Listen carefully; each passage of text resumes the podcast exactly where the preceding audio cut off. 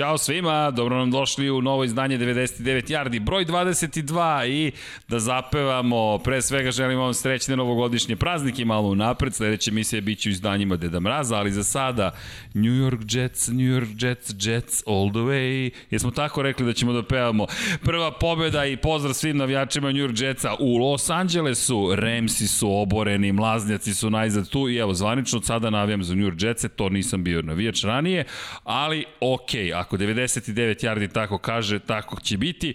Međutim, Kansas City protiv New Orleansa, generalna proba Superbola, podozrivo me gledaju sa druge strane stola sva tri moja draga prijatelja, Jimmy, Miksa, naravno Vanja, ljudi za nas ludo kolo. Na, spomenuo sam dve utakmice, ali kada si najavio pre tri nedelje Pittsburgh Pretenderse, da li iko očekivao tri poraza? Da, evo, koja jeste očekivao? Tigrovi iz Bengal, ben, sa Bengala, dakle, ovde riču. Iz džungle, iz džungle. Iz džungle, iz džungle. džungla u sred Cincinnati. da. Iz uh, džu, džu, džungle. Džu, o, vidim da smo raspoloženi. Inače, zašto smo ovoliko raspoloženi? Pa, trenutno je koliko sati? 4, 4 časa 21 minut. 4, Nalazimo 20. se U kreativnom ludilu. U, htio da kreći studiju na kraju univerzuma, ali tu postoji znak jednakosti i klasična najava u kojoj govorimo da možda Philadelphia Eagles imaju novog vođu. Možda. Možda, vidjet ćemo, dobro ste izgledali da su Billsi prvi put posle 25 godina osvojili diviziju, istočnu diviziju AFC-a. Bills to je, Mafia to je toliko davno bilo, ti se nisi još ni rodio, ali bukvalno o tome mi pričamo danas, dakle da su Billsi uspeli da zabeleže osvajanje osvajanje divizije, istovremeno da su New England Patriotsi prvi put od 2008. godine bez plasmana u play-off, da je Tom Brady zabeležio sedmu pobedu u svojoj karijeri protiv Atlante, ponovo je gubio na polu vremenu 17 poena i opet izašao kao pobednik i još mnogo toga u ovoj kolu broj 15 ljudi ovo je bilo ludo kolo, je bilo spektakularno kolo i koji su vaši utisci, mada negde gledam vas dvojicu, Korveta je tu, Bengalsi su tu. Čekaj, zašto Korveta? Moram da te pitam. Znaju fanovi Steelersa zašto. Zna i Džuđu zašto. Tako. Dovoljno je to piše. Dovoljno to piše. A on je novi kućni ljubimac, tako da... novi kućni, čito kućni ljubimac? Studijski. Studijski. ok, da li to smemo da kažemo, ali on riče i... Riče. Sve ako... zavisi, sve zavisi. Ako dobiju da. Baltimore, onda verovatno više nije, ali... Moram Penzionisat će se. Da. onda će ja da počnem da mjaučem. da li znate ko je Ernst Stavro Blofeld? Ne. Zvuči to je nemoguće, pitajte, samo moja generacija zna. To je čuveni arhi neprijatelj Jamesa Bonda, koji ima isečeno lice i mačku belu mazi. I podsjećate me na Blofelda u ovom trenutku. Pa mazi. Mazite mačku i to je to. Ali ljudi, šalno na stranu, ko, ko je vaš utisak broj 1? Meni, meni jeste utisak moj Jetsi. Sada moji Jetsi su utisak broj 1, ali nisam očekivao poraz Pittsburgh Steelers. Da, Kansas City protiv New Orleansa, ja kažem da je, mada više citiram američke kolege, da to možda generalno proba Superbola, ali da Pittsburgh pretrpi treći poraz za redom i to divizionom rivalstvo protiv ranjenih Cincinnati Bengalsa, to nisam očekivao.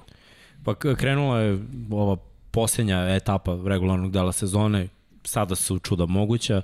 Timovi unutar divizije koji nemaju nikakve šanse da se nađe u play-off imaju samo jednu misiju, to je skinuti skalp timovima koji mogu da se upamti pre par sezona, tako je Baltimore ispod bili su ušli u play-off, tako što Cincinnati dobio u posljednjem kolu Baltimore, jako su bili isto jedan od najgorih timova u ligi. Tako da uvek postoji neki tim koji će gledati da skine skalp kao što su Jetsi sada uradili Remsima, s druge strane kada je derbi, kada je sve na, na crti između dva dobra tima, ovde dobijamo ono što mislim da, da i želimo kao što smo dobili prehodne nedelje između Baltimora i Clevelanda, kao što smo dobili ove nedelje između New Orleans i Kansas City-a, jednostavno svaka nedelja je sve bolje i bolje. Ne mogu da očekam sad ove utakmice što idu i eto da kažemo da iz kabine pravo ovde imali smo jedan meč koji je onako bio baš... Da, završeni. Saints protiv Vikinga, to je završeno. Ti si bukvalno dojurio, ovde je ekipa spremna i Jimmy je rekao, ljudi, spremite se za novogodišnje izdanje, ali nisi Grinch, ali si, ne, si iz kabine. Si, si iz kabine. pa, doneo sam prenos, nisam mogu staviti paketići. Niste bili dobri. Nismo bili dobri. Samo da znaš, Vanja, otpali su ti dijelovi. Ne, veze, videli su Polako šta, šta, šta, su te, šta su trebali da vide, tako da je to to. Jimmy, šta je tvoj utisak? Uh, mnogo ih ima, zaista. Moj glavni utisak je da je 15. nedelja bila fantastična i da mi je mnogo drago što se desila kao takva, jer je unela toliko uzbuđenja u sam završnicu uh, cele sezone, da svako naredno kolo dočekujemo sa još većim uzbuđenjem i ovo 16. je već počelo na jedan uh, interesantan način. Pričat ćemo o tom meču kasnije, zbog broja yardi i broja postignutih uh, poena, uh, ali zaista očekujem da mnogo toga se reši sada već da kažemo ono 50% u 16. nedelji, ali posle nedelja će definitivno biti eksplozivna i to će biti nedelja koju ono treba pratiti. Vanja, tvoj Jest. utisak? Moj utisak, ja sam počeo nedelju sa osmehom Chargersi pobedili, završio sa osmehom Cincinnati pobedio. M sam bio najbolji u prognozi, ovo je bila tako lepa nedelja. O, okej. Okay. Lepa, lepa. A mnogo neočekivanih Kako rezultata. lepu nedelju imaš, bilo bi šteta. Da. Bilo bi šteta da se pokvari sada. Kao Ice Cube, it was a good day. Da. It was a good, it, it was a good week. Bila Da, je sjajna, jest. sjajna nedelja. Ajmo mi da pogledamo koje smo sve to utakmice imali detaljno, to je koje su ključne utakmice prethodnog kola. Kansas City u New Orleansu, da krenemo odatle, Mahomes protiv Brisa. Da, ozbiljno meč. Na kraju i Kansas City pobedio 32-29. Mahomes je bio dobar, možda ne svoje standardno dobar, ali opet 26 od 47, 254 yarde, 3 touchdowna, mislim da bi većina quarterbacka to uzela. Ako im ponudio neko, ali s druge strane Drew Brees je bio stvarno jeziv, bilo je katastrofalno. Ok, ovo sad izgleda solidno 15 od 34 ispod 50%, 234 yardi, 3 touchdowna, jedna presečena, ali tokom meča se videlo Drew Brees rđev je mnogo, oporavlja se od ozbiljne povrede i odbrane Saintsa, vi, ti si to pričao, nije isto kad vidiš Hilla na TV-u i kad igraš protiv njega. Bili su dobri, ako su primili 32, većina odbrane bi primila 40, sigurno, 45. Ali napad samo imao 60 yardi trčanja i to je mislim na kraju presudilo. Saintsi, kažeš Drew Brees nije toliko loš, ja bih rekao katastrofalno. Početak Ne, ne, rekao sam 0-6, katastrofalno, nego kad bi neko pogledao statistiku, pomislio bi nije loš, ok, tri Ali touchdowna pazi, i čak to. i ono što smo videli, ispod 50 Da, pro, procenata uspešnost kada govorimo o kompletiranim dodavanjima. 234 jarde, ok, 3 touchdowna, sve to deluje lepo. Rezultatski, ovako kada se završi, kad je meč gotov, rekli bi, oho, neizvestan meč, uopšte nije bilo tako. Jeste početak, Mahomes je prvi put video, pričamo o tome da je odbrana Saintsa prvi put videla Tarika Hilla, da, ali Patrick Mahomes prvi put video odbranu Saintsa, odbranu koja bez blica vrši neverovatan pritisak pre svega na njega, kao quarterbacka.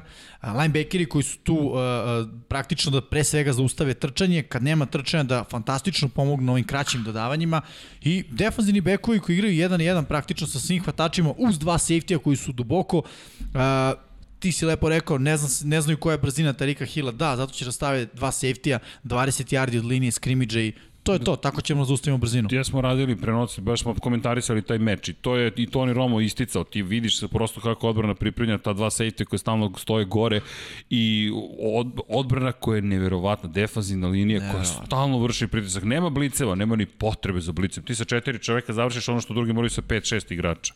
Ali na goal line situacijama bili su i oni uhvaćeni na prepad. Prvo onaj dupli motion Tyrika Hillu niko nije bio spreman, svi su očekivali da ide ponovo kroz preko formacije, on dečko istrčao vele slalom za touchdown, nikog ni blizu, poslao onaj pitch za Kelsija takođe. Uhvaćeni na prepad, oni nisu znali koja je akcija, dijamant formacija, četiri hvatača i odmah iz, ispod centra, pap, dodavanje, dok su Saints skapirali šta se dešava, sudija već podigo ruke. Izvini, da li ti utisak da, da, da, da Chiefs rade samo koliko je potrebno da oni zabeleže svoju pobedu i da idu dalje, Ja uči- sledeća nedelja? Ja u se ne sumnjam. Naročito ne ofanzivno. Čak i da je bila loša predstava, jeste, okej, ja kažem, za Mahomesa možda teške reči su loš dan, slabiji dan.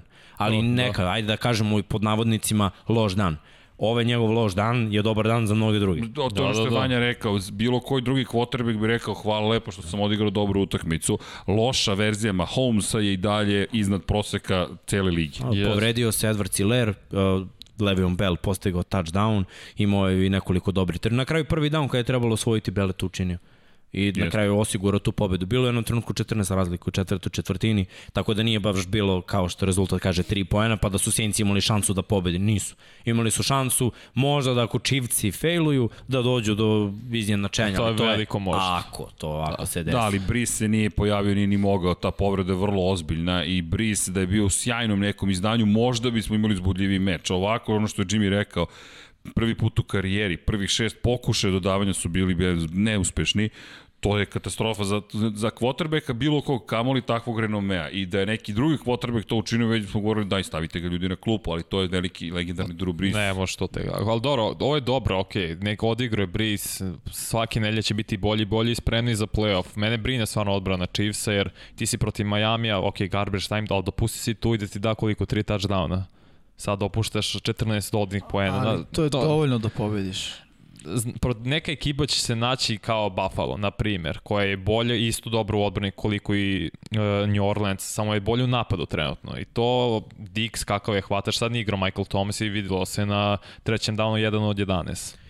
Gledaj, To me, to me plaše, da kažemo, ta odbrana mislim će posustati da će Dix, na primer, imati sjajan meč. S jedne strane jesu u pravu, a onda s druge strane setim se Superbola koju smo radili nas trojica i bilo je tako i odbrana San Francisco je zaustavila, a odbrana Chiefsa se probudila kada je bilo potrebno i kada je delovalo da Chiefsi nemaju ništa u napadu.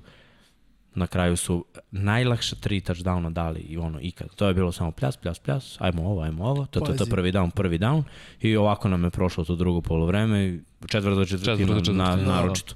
Tako da kad imaš, znaš, kad imaš toliko opcija u napadu, toliko kreativnih akcija, mislim, mi svake nedelje vidimo nešto što nismo videli u Chiefs. Dobro, Andy Reid je stvarno, mislim. No, oni traže akcije iz 50-ih, 40-ih, 60-ih, sa koleđa, NFL-a, AFS, svuda traže akcije koje sada uh, promene tako da, da idu na ove njihove budu igrače koji modernije. imaju. Da. Ne samo da budu moderne, nego ha, ovo što je ovaj uradio 43. sad Terry Hill može da uradi tri puta brže i možemo da iskoristimo ovako i onako i tako oni se igraju. Igraju se i deluje na terenu kao da se igraju, kao da se zabavljaju i kao da ni u jednom trenutku meni ne deluje da Chiefs su u panik modu, ni u jednom trenutku. Ove sezone ni u jednom trenutku. Čak i onaj poraz od Raidersa kad je bio, delovalo je ono. Ajmo da se vratimo na Miami. Miami koji bi svakog drugog quarterbacka u, urnisao psihički da mu uradi ono u prvoj četvrtini i u prvom polu vremenu što su radili Mahomesu. Mahomes se samo vrati, ok, moram da igram drugačije, moram da igram bolje. E, oni bukvalno stvari drže pod kontrolom, zato i kažem, moj utisak je štedljivi su. Mislim da su ekonomični krajnje. E, ovo je potrebno da uradimo i ajmo da uradimo Tako to. je. Tako. Što se odbrane njihove tiče, to je filozofija bend but don't break. U smislu, da, primit će do, od neke poene samo zato što će napad dati više poena. Mislim da a, odbrana Chiefsa neće nikada dovesti u pitanje pobednika. Meča, mene više brine da se desi meč kao što se dešavalo recimo prošle godine da se hvatači ne pojave, odnosno da ispuštaju lopte, Kao protiv Ali- Chargers. kao protiv Chargersa recimo, tako i ove sezone, ali e, dokle god je Pat- Patrick Mahomes na, na svojoj, da kažem, visini zadatka, e, Chiefsi će biti ok. I rekao bih još jednu stvar koja se tiče njihove odbrane. U velikim utakmicama tebi treba odbrana da uradi e, manje više jednu dobru stvar, jer to pokreće celu iskru. Setimo se i Texansa prošle godine, JJ Watt posle onog seka pokreće celu mm -hmm. ekipu. Setimo se pa i tog uh, uh, Superbola prošle godine kad je odbrana Chiefsa uz neka zaustavljanja u drugom poluvremenu dala tu iskru. lopte. Tako je, dala tu iskru uh, svom napadu da nastavi dalje i da se ostane na možda po meni da za moju, da kažem, eru gledanja Superbola najbolji, to je on između Patriota i Atlante, tu je iskra bila onaj sek Hightowera i, i sve ono što Yes. se nakon toga desilo. Samo ću dodam za Chiefs za kraj, dobili su 22 od poslednjih 23 utakmice. To je stvarno je neverovatno. To je računajući play-off. Da, računajući play-off i mali broj ekipa to radi, to su radili Patriote kad su ponovile 2003. i 4. To kao sam htio ti poslednje. kažem, mi se vraćamo u period kada je dinastija uspostavljena Tako i ta je. cela priča o tome da su Kansas City Chiefs i validni naslednici one ekipe New England Patriotsa, ne ove sada koja nije ušla u play-off, i te kako dobija na snazi iz godine u godinu, jer to su ti rekordi, to su te Moguće. neverovatne utakmice gde ti ne znaš kako, ali znaš da će oni sigurno pobediti. Gotovo da je zagarantovana pobeda. 13. pobeda ove sezone, 13-1 je. je njihov skor. Da, Moguće, moguće dinastija. I, I prozor je mali. Prozor je mali, cap ih ograničava, Jeste. moraju sad, to je to. Ove To tri to. godine, Tako je. iskoristi šta Da. možeš. Tako je. I oni su se sa Mahomesom komitovali 10 godina, kao deluje mi kao sa Bradyjem. Ovo je jedna ekipa koja je osvojila u ovom periodu dve, tri titule koliko god. Pauza, verovatna, i mi će tu uspeha i možda će opet doći do Superbola i onda opet dok se ne formira neki novi tim, zahvaljujući dobrom draftu, veteranima koje dovodiš, ko zna šta će Andy Reid maštoviti, kao što ste rekli, trener u pitanju. Samo ne vidim da će Reed ostati toliko dugo kao Bill. Jedino to. Mislim da hoće. Ja mislim A ne da, godine da su to Bill je bio mlađi kad je krenuo sa Patriotama. Mene je to jedino... sve je- Da, ali pogledaj trenere, pogledaj, pogledaj trenera Carrolla. ofenzivne linije New England Patriotsa, to su ljudi koji do, ne znam, 80. 90. godine su Carroll isto. Carroll i isto, to, su- to bi svako drugi bi otišao u penziju. Pete Carroll je malo više fit od Andy. Da, da, okej, Okej, okej. okej. Ali- Ali vidi, ta, ta, to su ljudi koji su cijel život svoj, neću reći samo posvetili gotovo, žrtvovali. Mnogi su prošli Jasno, kroz lične da. tragedije i ostali tu i nastavili da treniraju, uključujući Andy Rida. Njemu je ovo život. Nema tu penzije. Ja ne vidim penziju za takvog čoveka. U koju penziju ideš? Kao hamburgere. Kako? Hamburgere. Cheeseburgere, izvini, to ono to. Da, ali Ne, ja ga vidim stvarno još 5-6 godina max i to će i onda posle neko Ok, nastavi. vidjet ćemo, u svakom slučaju Da, sad da. nek uživaju i imaju razloga da uživaju Stvarno. i ovo utakmica je još jedna potvrda. Kažem, negde je možda generalna proba Superbola, pričat ćemo o tome, to je jedini, ne mogu kažem čak ni da ja to vidim, negde više je to način na koji je prezentovana ta utakmica, što nije nemoguće, opet dve velike zvezde i ko zna za sada, generalno proba pripala Chiefsima, ali to je samo jedna od utakmica koja se desila u 15. nedelji za koju smo rekli da je bilo tekako zbuljiva. Mi smo izdvojili prethodne nedelje Chicago protiv Minnesota iz perspektive play-offa i za jednu i za drugu ekipu veoma važna utakmica. 33-27 je na kraju bilo za Chicago. Izdvojili smo Montgomery i Trubiskog. Meni nekako je više Trubiski taj koji mi je, neću reći fascinantan, ali mi je fascinantna ta cela priča o Miču Trubiskom kao startnom quarterbacku Chicago Bearsa, koji ne bi trebalo da bude vođa te ekipe. Svako drugi bi trebalo da bude veći vođa od njega i bolji i uspešniji. Međutim, Trubiski šta god da ima u sebi, kako god da se to složi, Trubiski se pojavi, oni počnu da pobeđuju. Oni su zabeležili pobedu, opet predvođeni Trubiskim, koji kao da im želi da pokaže ljudi, nisam ja toliko loš koliko vi želite da me predstavite. Čak ne mislim se bavi drugima toliko koliko zaista hoće da Chicago uspe. To mi deluje kao najiskrenija želja. Tako da njegova statistika nije impresivna, ali opet zabeležio čovjek pobedu. Uh, kada, eto, već njega pominjemo, s- 70%, preko 70% uspešni iz e, dodavanja, to jeste nešto što je dobro. Jedan touchdown, jedan interception, ništa posebno kada govorimo o meču. Ono što je meni interesantno i negde što mi šalje pozitivan signal, to je 32 nošenja Montgomerya, to znači da su krenuli da se okreću igri po zemlji. Ok, vidjet ćemo da li je ova anomalija. Montgomery nedelju dana pre toga imao isto jako dobar meč. E, moje mišljenje je da e, Chicago treba da se više fokusira u napadu na trčanje, manje na igru kroz vazduh, e, ba zato da bi se rasteretio Mitch Trubisky.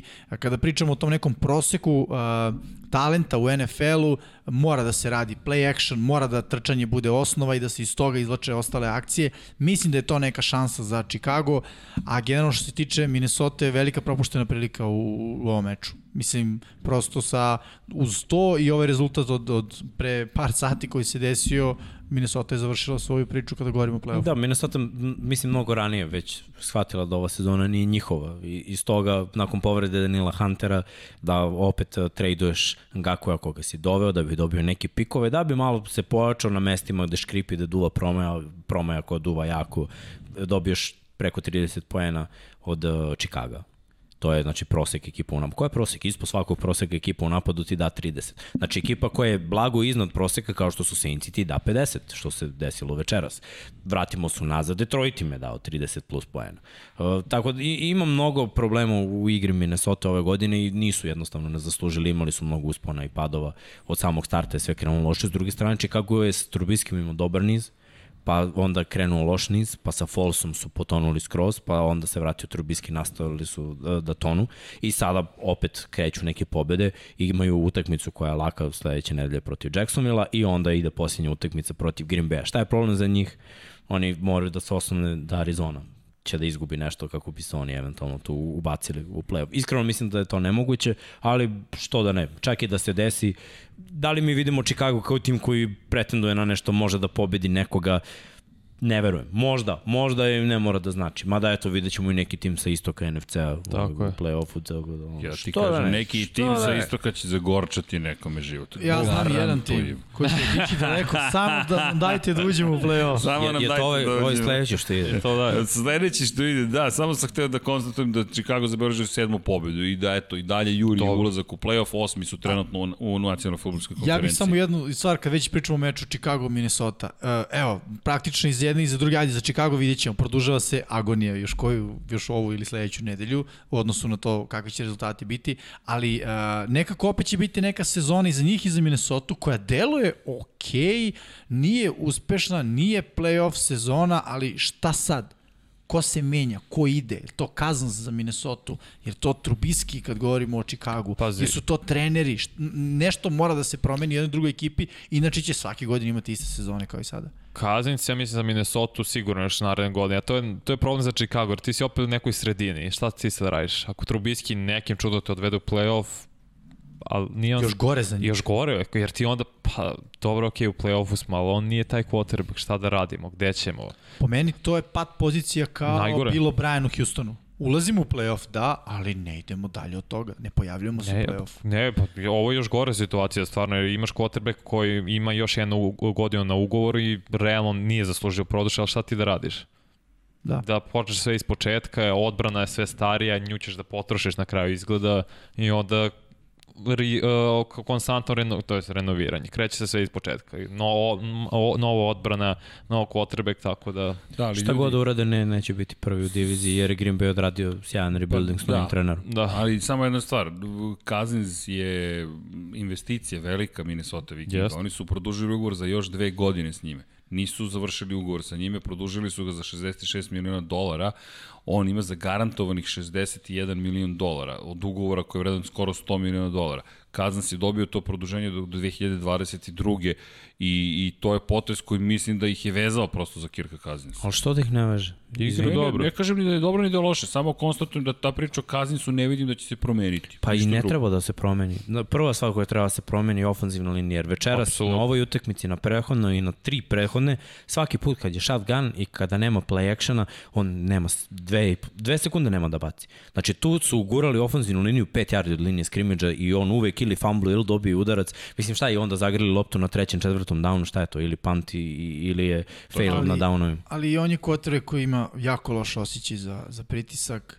Uh, često se dešava da dobija udarce po ruci u momentu kada hoće da baci loptu. Ali gledaj da ima ofenzivnu liniju, dobro ne bi bacao. Znam, znam. Ja bih u tu priču, da kažem, verovo i zagrizo da se nije pojavio Jalen Hurts u sličnoj situaciji kad je Vance bio startni kotorek u Eaglesima, neću da dubim pričam u drugom meču, ali samo da kažem, kad je bio, mi smo si govorili o ofanzivnoj liniji Eaglesa, katastrofa. Pojavi se Hurts, to je okej okay, ofanzivna linija. Pa produžava akcije zbog nogu, zbog svoje sposobnosti da trče. to su znači onda sposobnosti koje kada se ukombinuju mogu da doprinesu. Kaznis je quarterback kome treba džep. To je onaj Da, da. stara škola quarterback, ja stojim u džepu, dajte mi 3,5 sekunde i onda ćemo da igramo futbal. Zapravo- Ispod toga ne mogu. Da, zapravo stoji na džepu samo u trećem downu, ali to je ofenzivni koordinator. Doći ćemo mi na Filadelfiju, ali... Evo ne, samo, samo iskreno, evo, budite realni, da imate treće za dva, treće za tri. Ja, evo, da sam ofenzivni koordinator, Dalvin Cook bi trčao. Na mojih 40 yardi on bi trčao za yard ili dva i četvrti down bi bio ili play action ili bi Dalvin Cook trčao. Sigurno mi ne bi u shotgunu s pet hvatača sa ovom javnom ofenzivnom bio Kirk Cousins, ali to je na Geriju Kubijaku. Idemo dalje. Minnesota, na njenu žalost, je izgubila i sledeću utakmicu. Upravo si došao s tog prenosa, to je mada kako teče vreme, nije više ni upravo. Da. da ali si stigao sa tog prenosa, pričat ćemo o tome. Minnesota je ispala iz igre za ulazak u playoff, završeno je večera s porazom protiv New Orleans Saintsa kao što rekao, snimamo, evo, koliko je sada, 4 4.43, tako da za par sati ćete već ovo imati na našem YouTube kanalu.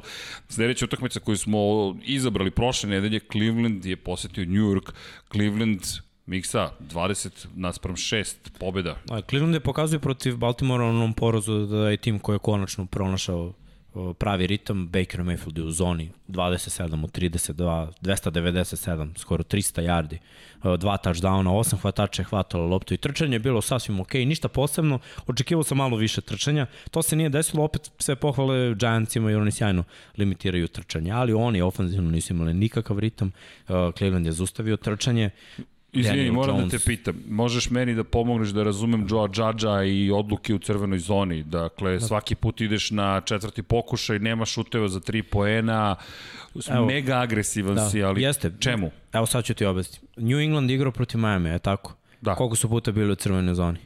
Četiri. Koliko su imali pojena na kraju? 12. 12 Četiri puta su šutnuli field goal i je bilo dovoljno da pobede.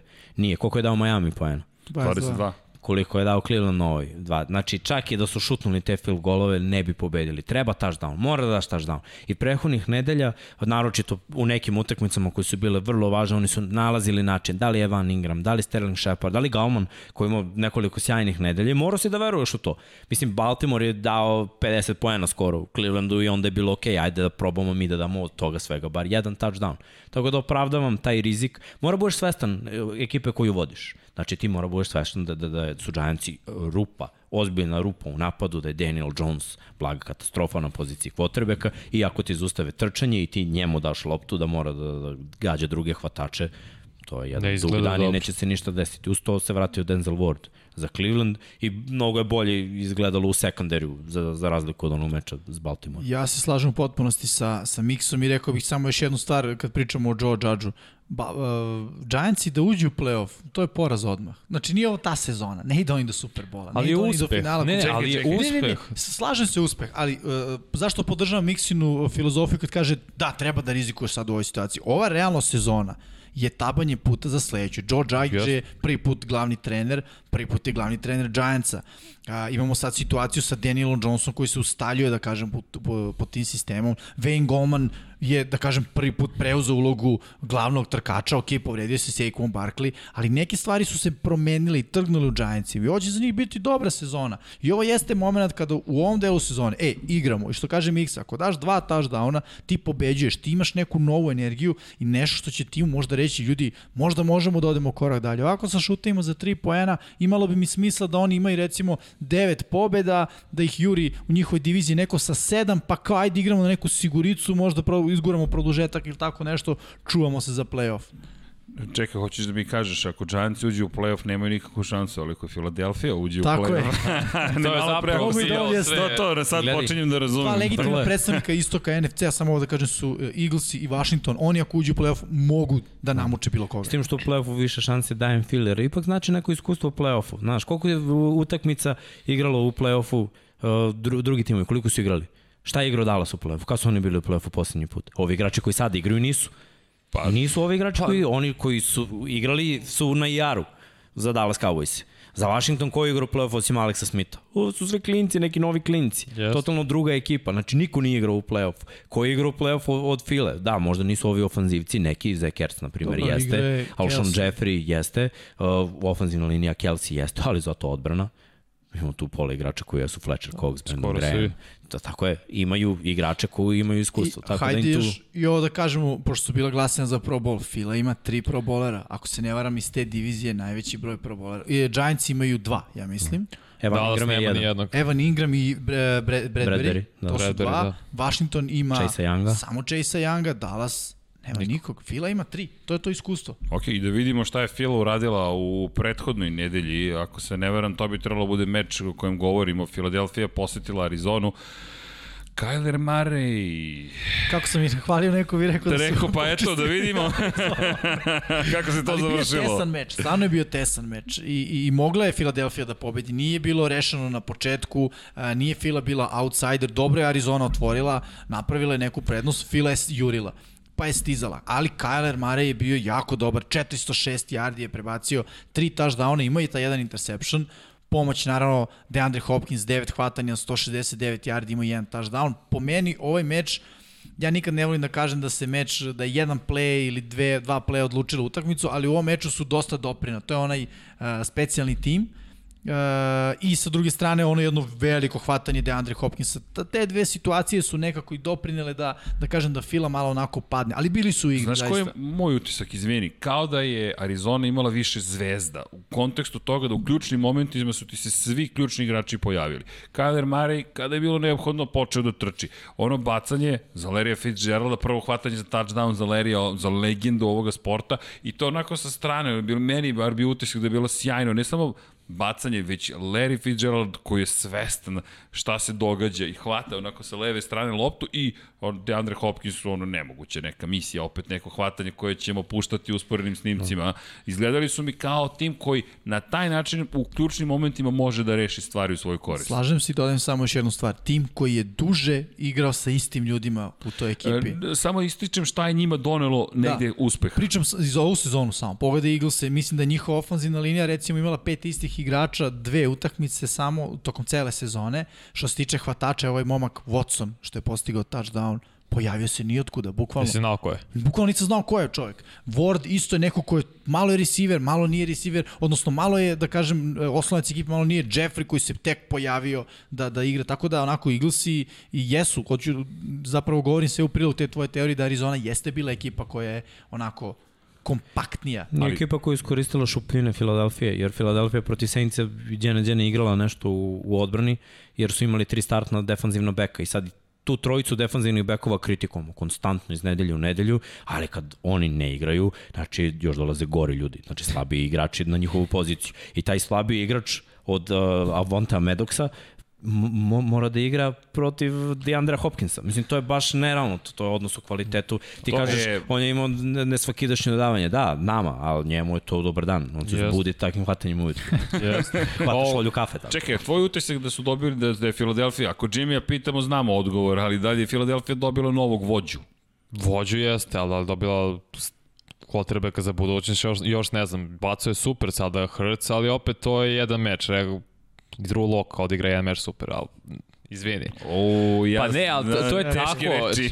I Baker je odigrao prvih 9-7, koliko već utakmica, ne, odigrao je 13 u prvoj godini, super. A sledeće godine je bio katastrofa, zašto? Ima tape na tebi, znaju šta, šta treba brani. I to je prosto tako.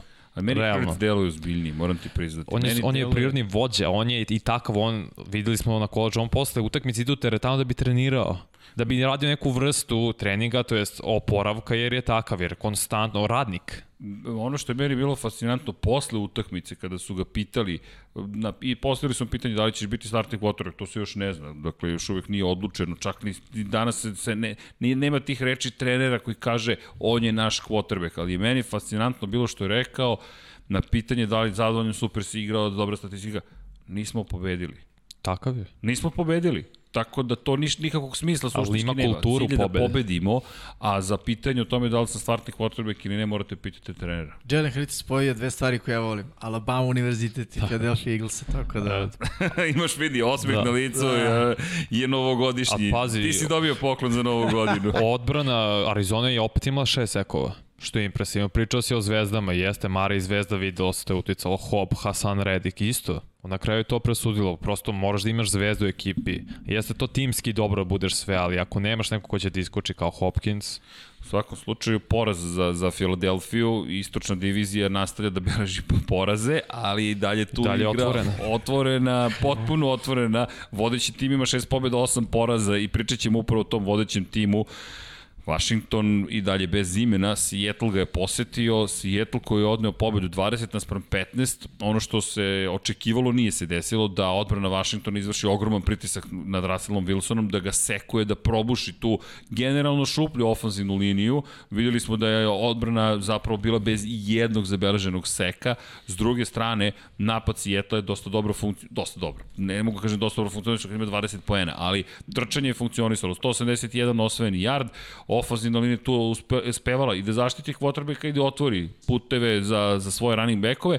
Odbrana je bila sjajna. Četiri seka i dva presečena dodavanja. Ono što treba napomenuti, Alex Smith nije bio u utakmici i to je nešto što vi pre svega ističete konstantno da je ključna stvar zapravo za Washington.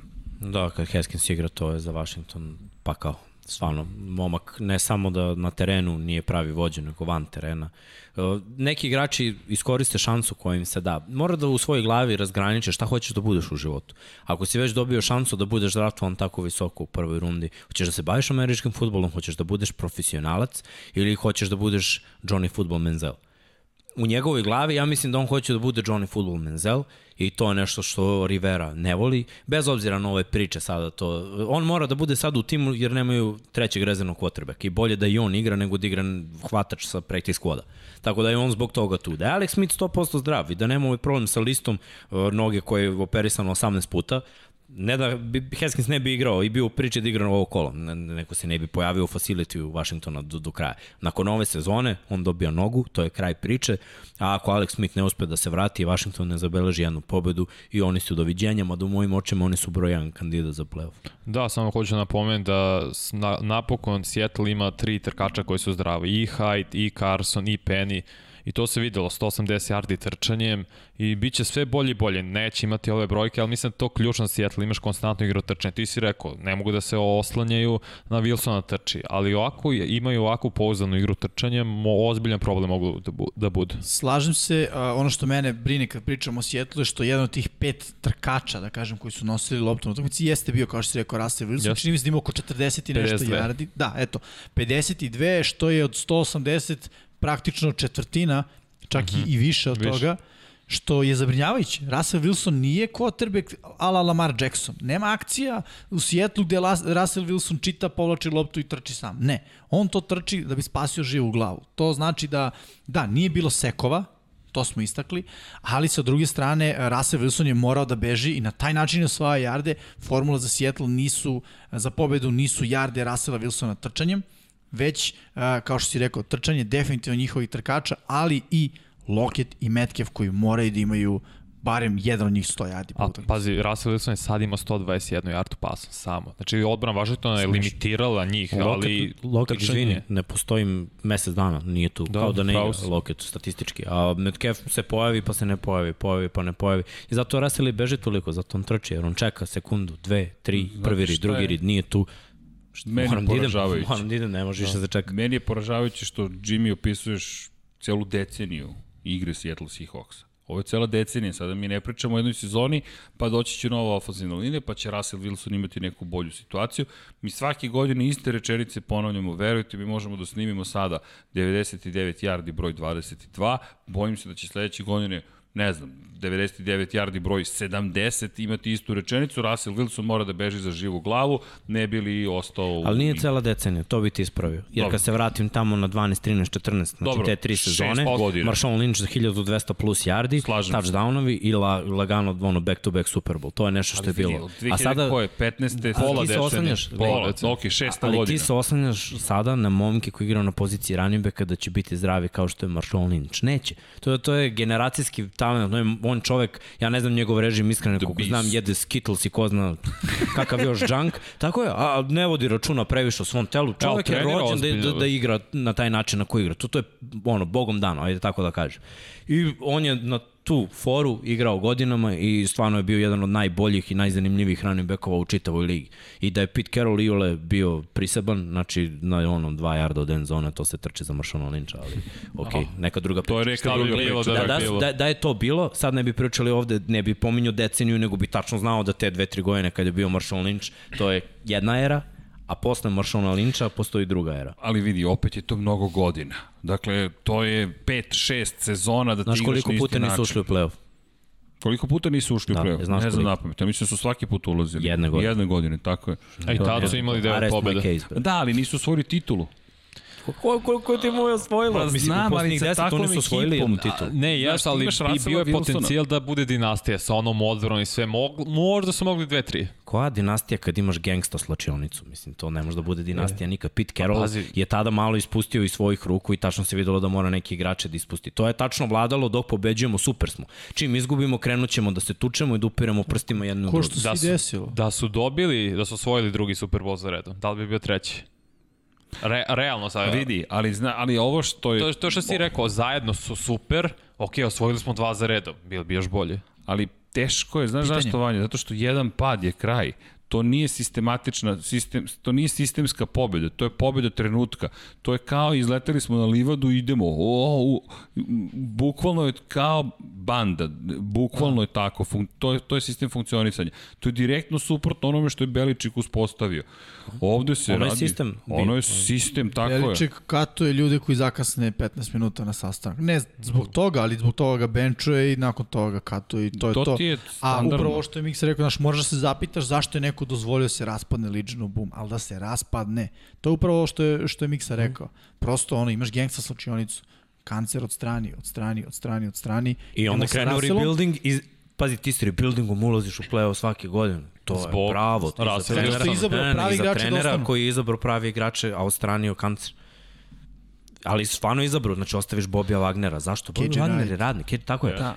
Izbaciš A, ali Michaela Beneta, izbaciš Richarda Shermana, izbaciš Kema Chancellora, izbaciš Earl Ola Thomas. Thomasa. Ali čekaj, ali da se vratimo na, ofanzi, na ofanzivnu liniju, da se vratimo na taj deo priče. Taj deo priče ne rešavaju. Ako hoće titulu, ako hoće dalje da odu od onoga što su do sada postigli, ti možeš svaki put da uđeš u play-off, okej. Okay. Ali da li je to ono zbog čega se takmičiš? Da uđeš u play-off? Sve zavisi mora koje da ste Super Bowl. očekivanja.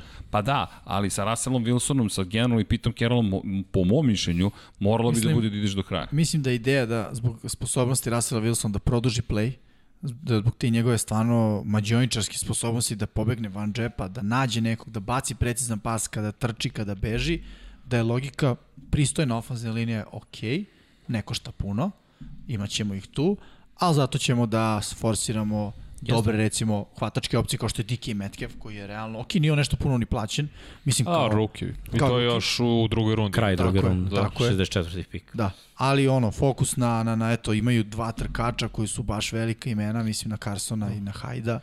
Njima samo treba da budu zdravi, to je nešto što se nije desilo. Ha, ha, Carlos Hyde je bek koji isto nije bio zdrav u svojoj karijeri, Da, da. a Chris Carson nikad nije odradio celu sezonu.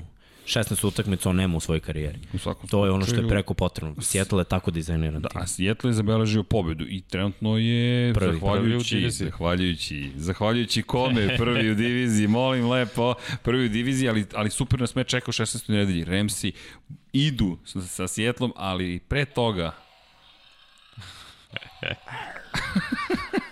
Dakle, uzbuđenje je sa druge strane stola na najvišem mogućem nivou. Da li možemo da pogledamo utakmicu koju nismo najavili, A koja se crveni. Ko je mogao da najavi Pittsburgh u Cincinnatiju kao jednu od najvažnijih utakmica ovoga kola, a crveni se s razlogom. Meni se Gori. Ljudi, gori, gori. e, ljudi, ja ću samo da, vama ću dati uvod, ja ću napraviti uvod vama, prepuštam sve ostalo. Može. Samo ću reći Ben Roethlisberger, 19 yardi kroz vazduh u prvom polu vremenu. Sedam. Ne, ne, ne. Ne, sedam, pogrešio sam. Jeste, Sedam, dobro. još gore. Sam. Mislim, Polazi mu nemoj. Da. Sedam ukupno. Au, ja sam zapisao 19 da je bilo ukupno. Možda sam iz skrimidža sve popisao šta je bi u imao. jednom trenutku bilo minus šest. Da, da. Pas. Ljudi, katastrofa. Treći poraz za redom, tebi sam već pitao, ti si rekao da su Pittsburgh pretendersi. I od kad si Yes. to izgovorio, nije ti lako, ali Kako mi je držiš uživa. svoj stav i evo treće pored za redom. Pa da, ovo, od jedne bande do druge bande. Ovo je stvarno je, jezivo izgleda. Big Ben, ok, aj prvo ovako, igra trčanja je loša, realno. Cele godine 31. su u NFL-u i to je jedan, to je glavni razlog zašto ne funkcioniše napad, da budemo realni. Oni su 11 puta pobedili ekipe, dobili su Tennessee koji je to impresivno, Baltimore još kad su svi bili zdravi, a ove osle pobede stvarno i loš protiv loših ekipa. Big Ben ima 7 yardi na poluvremenu. To on toliko loše igra, on ne, nema više ruku da baci duboke rute. Jer oni imaju dobre hvatače, nisu spektakularni, Juju Smith, što to neću da pričam, čovjek ima jedno, od kad je uh, AB otišao, on ima jednu utakmicu preko 100 yardi. On, se, on u kombinovanih ovih dve, dve sezone on ima manje yardi nego, ove, nego 2018 kad je poslednji put bio AB. A to znači šta? To znači da, možeš ti da, da objasniti to, to, to, je, to je lako kad igraš u slotu dok Tako ne je. je primarni hvatač u double coverage. To znači da tebe, tebe čuva drugi, eventualno treći cornerback. Iskoristiš šansu. I da. uglavnom Juju šta je njegova karakteristika i bila i tada, uh, shallow cross, slant. Brze rute i on onda nakon toga eksplodira osvoji jarde, trči, pobegne i mislim bio je dobar tada statistički, ali uh, postoji talenat i generacijski talenat. Generacijski Apsolutno. talenat je Julio Jones, Antonio Brown. Uh, to Michael su generacijski Thomas, talenti, njih, da. njih vidiš i jednostavno to je to. Odmah znaš na keca da je to to. Sa Schusterom je uvek bilo pitanje da li je to, da li je to to. Sad Pittsburgh je mislio. Mene ne brine njegova produkcija toliko. Ali me, znaš zašto me brine? Gledaj, kad nema On- trčanja, gledaj, Fitchner je morao da napravi uh, ovaj game plan tako da, da se Ben oslobađa lopte brzo, da. Da. on je hvatio lopte brzo i da trče s loptom u svojim rukama. Zašto? Da bi bilo sigurno hvatanje, da bi trošili neko vreme. To glumi neku vrstu igra trčanja, zato što igra Tako je. trčanja ne postoje. Tako je. E sad, šta je tu problem? Igraš tako prvih 5-6 utakmica, 7-8 i onda te svi provale. I onda shvate ovako, lopta 1-2 i samo se spusti tu. Jer nakon ovoga ne ide ništa gore. A čak ako ide gore, safety čekaju i bukvalno na ovoj utakmici Big Ben je kasnio par puta s dodavanjima koje su mogla da budu interception, a nisu bila. Isto tako uh, je bilo znači, i interceptiona i dva fambla. A mogu bude i još dva interceptiona, bukvalno su igrači da, da, i kažem. imali u rukama. Jeste, bilo, bilo je jako loše i traljavo. Opet, bez obzira na to, Cincinnati je napravio neku prednost sa rezervnim potrebekom, sa, sa Ryan Finleyem, koji je odigrao sasvim solidno. Giovanni Bernard, Istrčao za, Jeste, za da, to, to je na kraju, to je kad su ga pocenili. Dobro. Ali govorimo o prvom je polovremenu, bilo. jer je to prvo polovreme u mojim očima bilo Vidio sam ovo od Pittsburgha, ali sam vidio i da se vraćaju. Uh, delovalo mi je 17-0 da može da se stigne. Zašto? Jer je samo bilo pitanje kada će Pittsburgh uopšte da, da krene malo, jer Cincinnati nije nikakva klasa uopšte. U drugom polovremenu Pittsburgh i jeste krenuo i uspostavili su malo igru dodavanja, krenulo je malo da ide i trčanje Jeste. i u jednom trenutku je delovalo, ok, ok, i onda najklasičnije podcenjivanje u NFL-u koje se dešava, a Pittsburgh je to radio i protiv Jacksonville u, u play-offu i ovamo kada su oni već New England finale konferencije. Ne, prvo pobedi ovu utakmicu koju sad igraš, a, a to je utakmica protiv protivnika koji te čeka na terenu motivisan zato što ga pocenjuješ da te pobedi. Da niko ne pogleda read option, a dečko je trčao četiri puta read option do tada, istačao i 30 yardi da ga niko nije pipnuo. Jer je prvo uh, Fitzpatrick koji je uh, pro ball safety upucao odmah na trčanje u, u sredinu i ostavio potpuno nezaštićen. Outside contain isto nije postojao, jer od kad nema Bada Duprija na kontra strani od TJ Watta, to je, izvolite molim vas, na read option na tu stranu. Da, pazi se da ovo, Ben imao lepo dodavanje za touchdown kad je Deontay Johnson. Stvarno je bilo Prelepo. u ruki. Ali Ben ove godine, mislim, ljudi ne kapiraju koliko on loše igra. Ovo moram pročitam. 31. je od 36 quarterbackova po, po, po jardima po pokušaju. On ima šest po pokušaju. Sad, ako možda nabrojite koji su pet loših, sve će ti biti jasno. 22. je po rating, quarterback ratingu. Po kompletiranim dodavanjima je isto oko 20. To je, to je loše. A bacaš najviše puta. Ja bih samo rekao da to govori u prilog koliko je Pittsburgh imao lak raspored. Jeste. Je njihova identitet ove godine pas, a on je 31. u jednoj kategoriji, 22. u drugoj kategoriji, to stvarno govori da Pittsburgh uh, je imao dosta lak raspored u početku i bojim se da me podsjeća New England prošle godine. I trčanjem Što su, znači tako je, bravo. Play-off i. A I pazi- trčanjem su 31. I New England da. isto tako zbog rasporeda imao prehodne sezone uh, dobru sezonu, sve je bilo u redu, nisu bili poraženi Dobar start i, i onda i onda je naletao Baltimore u ono punom u punom naletu. I to je bio prvi poraz, pa- pa je krenulo polako. Krenuli su problemi i krenulo je da tone. I nije problem za Pittsburgh da li će se naći u play-offu, oni su sigurno u play-offu ove godine. O, ono što jeste problem je što imaju tri poraza u nizu, što igraju protiv Kolca koji su u dobrom nizu i što igraju protiv Brownsa koji su u dobrom nizu pred sam play-off a ništa ne ide na bolje ni u jednom uh, trenutku u njihovu igri, ni ofanzivno ni defanzivno. Izgubili su dvojicu startnih uh, middle linebackera, izgubili su edge rushera koji ima 8 sekova pre mesec dana, znači bio bi dvocifren i ove godine Badu Pri, koji igra onako u tandemu sa TJ Wattom. Tako da e, Pittsburgh je konačno dobio jedan reality check, a ova utakmica je bila sramna. I, izvini, moram samo da uskočim. Reality check ti imaš bengalskog tigra na stolu. Vanja je imao korvetu nalepljenu na računar na početku. Da, ti, ti baziš, znamo iz kojih razloga, ali Pittsburgh i dalje, je kao, i dalje drži tu poziciju broj 1. Morao bi da izgubi i ovu, u ovom kolu i u narednom kolu. U poslednje kolu se susreće sa Cleveland Browns. Ali vidi, po meni je realno da ovo, u ovom kolu budu bliži porazu nego pobedi, iskreno. Jer e, odbrana kolca je ono jako dobra odbrana, budimo realni. A Pritom, to Pittsburgh je ne može da trči. Tako je, to je odbrana koju smo rekli, tu odbranu pobeđuješ trčanjem. Ko je pobedio kolce?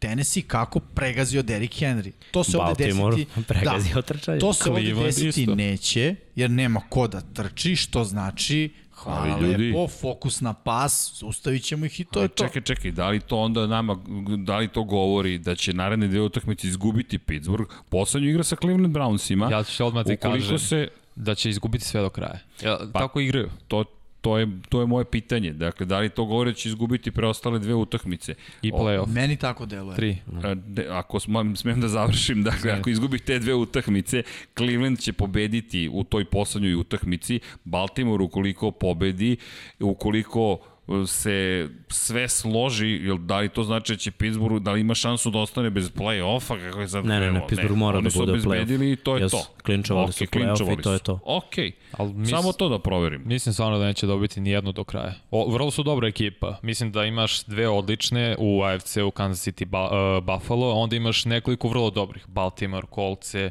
Cleveland, Pittsburgh, ali trenutno igraju lošije od svih mnogo. Da, I opet sve zavisi od toga kad kreneš da igraš dobro, a kad kreneš da, da Da. igraš loše, jer povrede osim Chiefsa, svi timovi imaju, u, u, i, ajde da kažemo i Bills. Svi timovi u AFC-u, osim tih, imaju na nekim mestima. Pa eto, Tennessee koji igra jako dobro, odmah ih sam povredio, startni levi tackle, Baltimore, startni levi tackle, penzionisao se pro bowler, desni guard.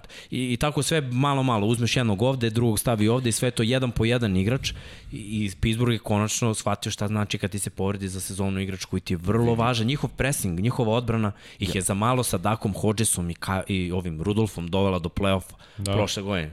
I dođe mi da preskočim celu sledeću sekciju koju smo oh, pripremili, a to, to je najava 16. kola, ne, najava je, je ona koja dolazi posle toga, moramo da pogledamo i ostalu utakmice 15. kola, ali a.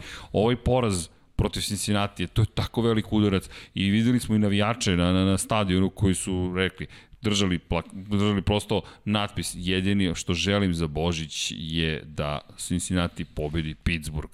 To je taj nivo ne, jednostavno netrpeljivosti koji postoji i kao što si rekao, Tako su pocenili Baltimore.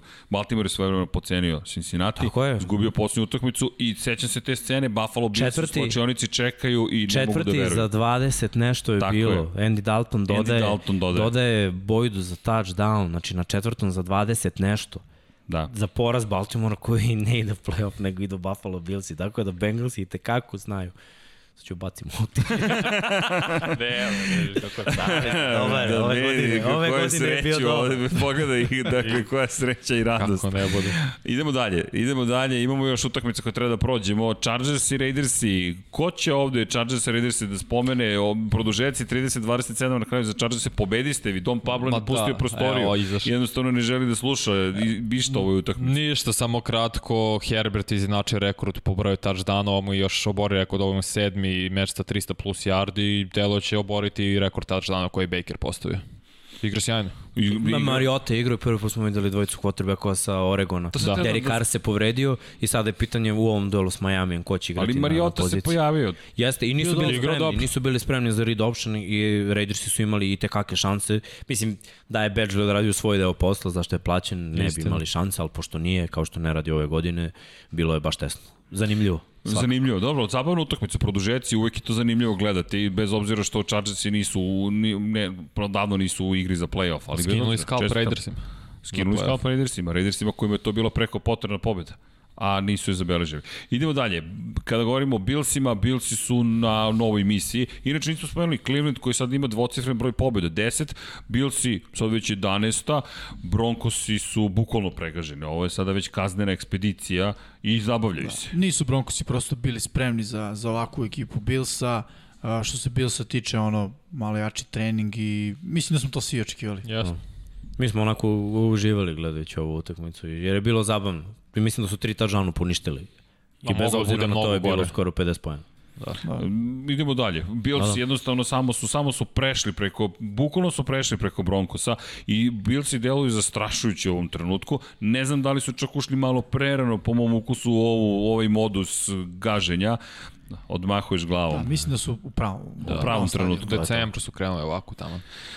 U svakom slučaju Billsi na nekom novom nivou. Packersi protiv Panthersa, to smo spominjali i to je bilo kratko. Da, e, u suštini očekivana pobeda Packersa, međutim ono što je malo zabrinjavajuće to je drugo polovreme kada govorimo o Packersima, znaju da padnu, znaju da se ne pojave, e, prvo polovreme je definitivno njihova, njihova strana medalje, ali to drugo polovreme može da ih košta jer ima ekipa koje znaju baš da igraju dobro u tom drugom delu. I Crni Panteri to nisu bili na ovoj utakmici.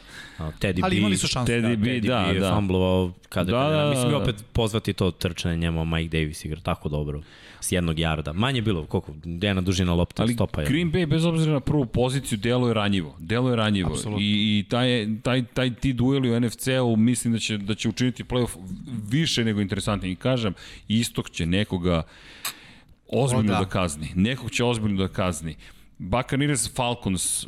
Falconsi 17-0 na polu vremenu, i, ali Atlanta radi ono što radila cele sezone, s druge strane Brady ono što radio cele karijere protiv Atlante. Sedma pobjeda pa, u njegovoj da, karijeri. ja ne bih mnogo hvalio Tampu, ti si napravio ovaj problem i sad se izlačiš, treba si realno Atlanta, to jest Tampa, sam ne dobro rekao, da, ne bi Tampu hvalio mnogo, napravio si ovaj problem, gubio si od Atlante, treba si ono odmah da je pregaziš, a ne posle da se vadiš, tako da Nula pojena na polovremenu, to je, to je Ozbiljno da. Slažem se sa obojicom i samo bih dodao da čekam playoff, da Pam- Tampa izgubi da prestanemo pričamo o Tampi. Pošteno. E, ali da li mislite da će tako, tek tako lako da izgleda? O da, Se zavisi okay. koga budiš. na bilo koga. Da, i, i Okej. pazi, ali neke stvari se menjaju. Neke stvari se menjaju. Ono što se na ovoj utakmici promenilo jeste u posljednje deo, u stvari više dodavanja za Antonija Brauna. Posle dve godine Brown je uhvatio touchdown.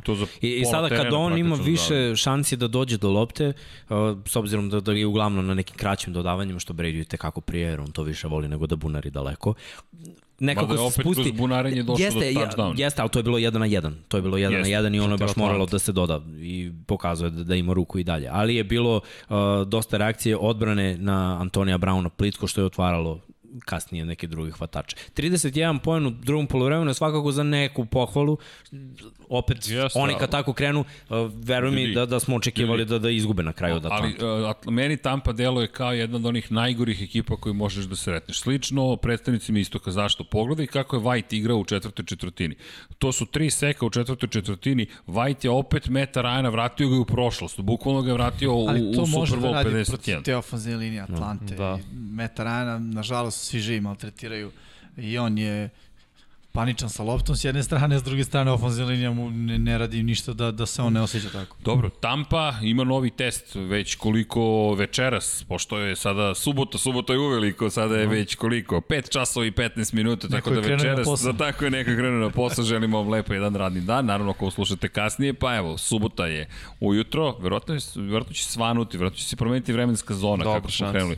I 49 da ne kažem 49ersi protiv Cowboya, 33-41, Cowboy pobediše. Za mene iznenađenje, iskreno. Meč koji je, su Cowboysi dobro počeli i zbog te, neki, zbog te neke greške, to je zapravo dve koje su uh, 49ersi napravili na samom početku, su zapravo vratili Cowboysi u igru. Cowboysi nisu ekipa koja su kadar da imaju drive-ove po 75 yardi, oni će tad šutnuti eventualno field goal, može za ceo meč postići touchdown, oni touchdowne mogu da postižu kao što su na ovom meču radili, startna pozicija za 23 yardi od gola, 25 yardi od gola protivnika i ajmo to Tony. Pollard je bio dobar.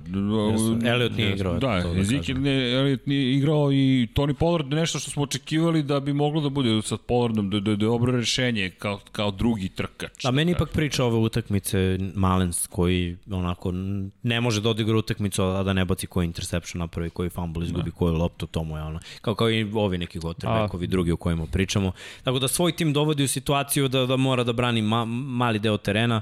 Uh, mislim da na ovoj utakmici već gledamo CJ-a Betarda, na, na ovoj sledeću koji ide protiv Arizone ove nedelje. San Francisco je imao neke dobre momente, Dallas Cowboys u ovom pobedom ostaju u nekoj ludačkoj sreći, u nekom ludačkom životu. Zašto mi ovo nismo Sve videli? otvoreno u ist- na Zato što, istoku. da, dve utakmice su Cowboysi dozvolili 600 plus yardi trdanjem.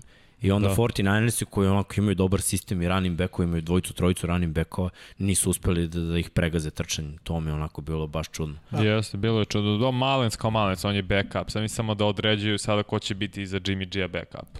To je to. Da, ja bih samo dodao da 49ersi upravo zbog ono što sam rekao, tih grešaka i na početku 14-0 za ostatka nisu mogli da prosto forsiraju toliko trčanje, morao se juri rezultat.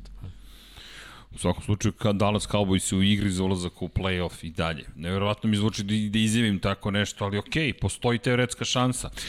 Sledeća utakmica, Titansi protiv Lionsa, Derrick Henry svojeručno je pregazio bukvalno Lionse. To je to da kažem, možemo da protrčimo kroje meč, Bukvalno protrčimo, kroz... ne, bilo šta dodavati, gotovo nepotrebno, ali deseta pobjeda Titansa, važna iz perspektive onoga što ćemo najavljivati, samo pogledamo odmah ispod kolci koji su zabeležili po- pobjedu protiv Texansa i opet ta priča, deseta pobjeda, četiri poraza, Titans i kolci izjednačeni po broju pobjeda i očigledno poraza, Texansi jedina svetla tačka tamo trenutno, Deshaun Watson, imali su čak šansu da izjednače na kraju utakmice, međutim, Opet, Opet da, fumble. i opet fumble.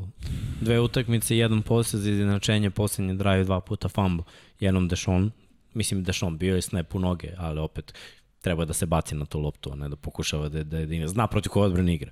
Ovde Kiki Cutie nije spakovao loptu, nije osigurao drugu. Da. Leonard je od- mnogo dobro reagovao. Pa, gledaj, mora da znaš protiv koga igraš. Mislim, ne znam Tako o čemu je. se priča nedelju dana, oni su odbrana koja udara, koja iznudi greške. Čim uhvatiš loptu, lopta se pakuje, nema u tim situacijama prostora Pa, za rizik. Houston je u mnogo teškoj situaciji. Ja jedini, opet neka moja luda teorija, vidim izlaz iz toga da traduješ Watsona. Jer ti sa ovim ti nemaš sad pika u prvoj rundi. Nisi siguran da li imaš sledeće godine. Jer si toliko dao za Tancila. Mnogo teška situacija za Houston. Uopšte budućnost generalno nije blistava i jedino da neko rešenje jeste da traduješ Watsona za mnogo pikova. I dobit ćeš Ja- mnogo. Ja bih se samo osvrnuo ovde na kolce, zato što su bili prilično ubedljivi. Ovih 7 pojena razlike je realno sramotno protiv ekipe Houstona. Pripisujem to divizijskom rivalstvu i takođe pripisujem tome da kolci su apsolutno pobediva ekipa, ali da bi njih pobedio moraš da imaš neki faktor pre svega u napadu.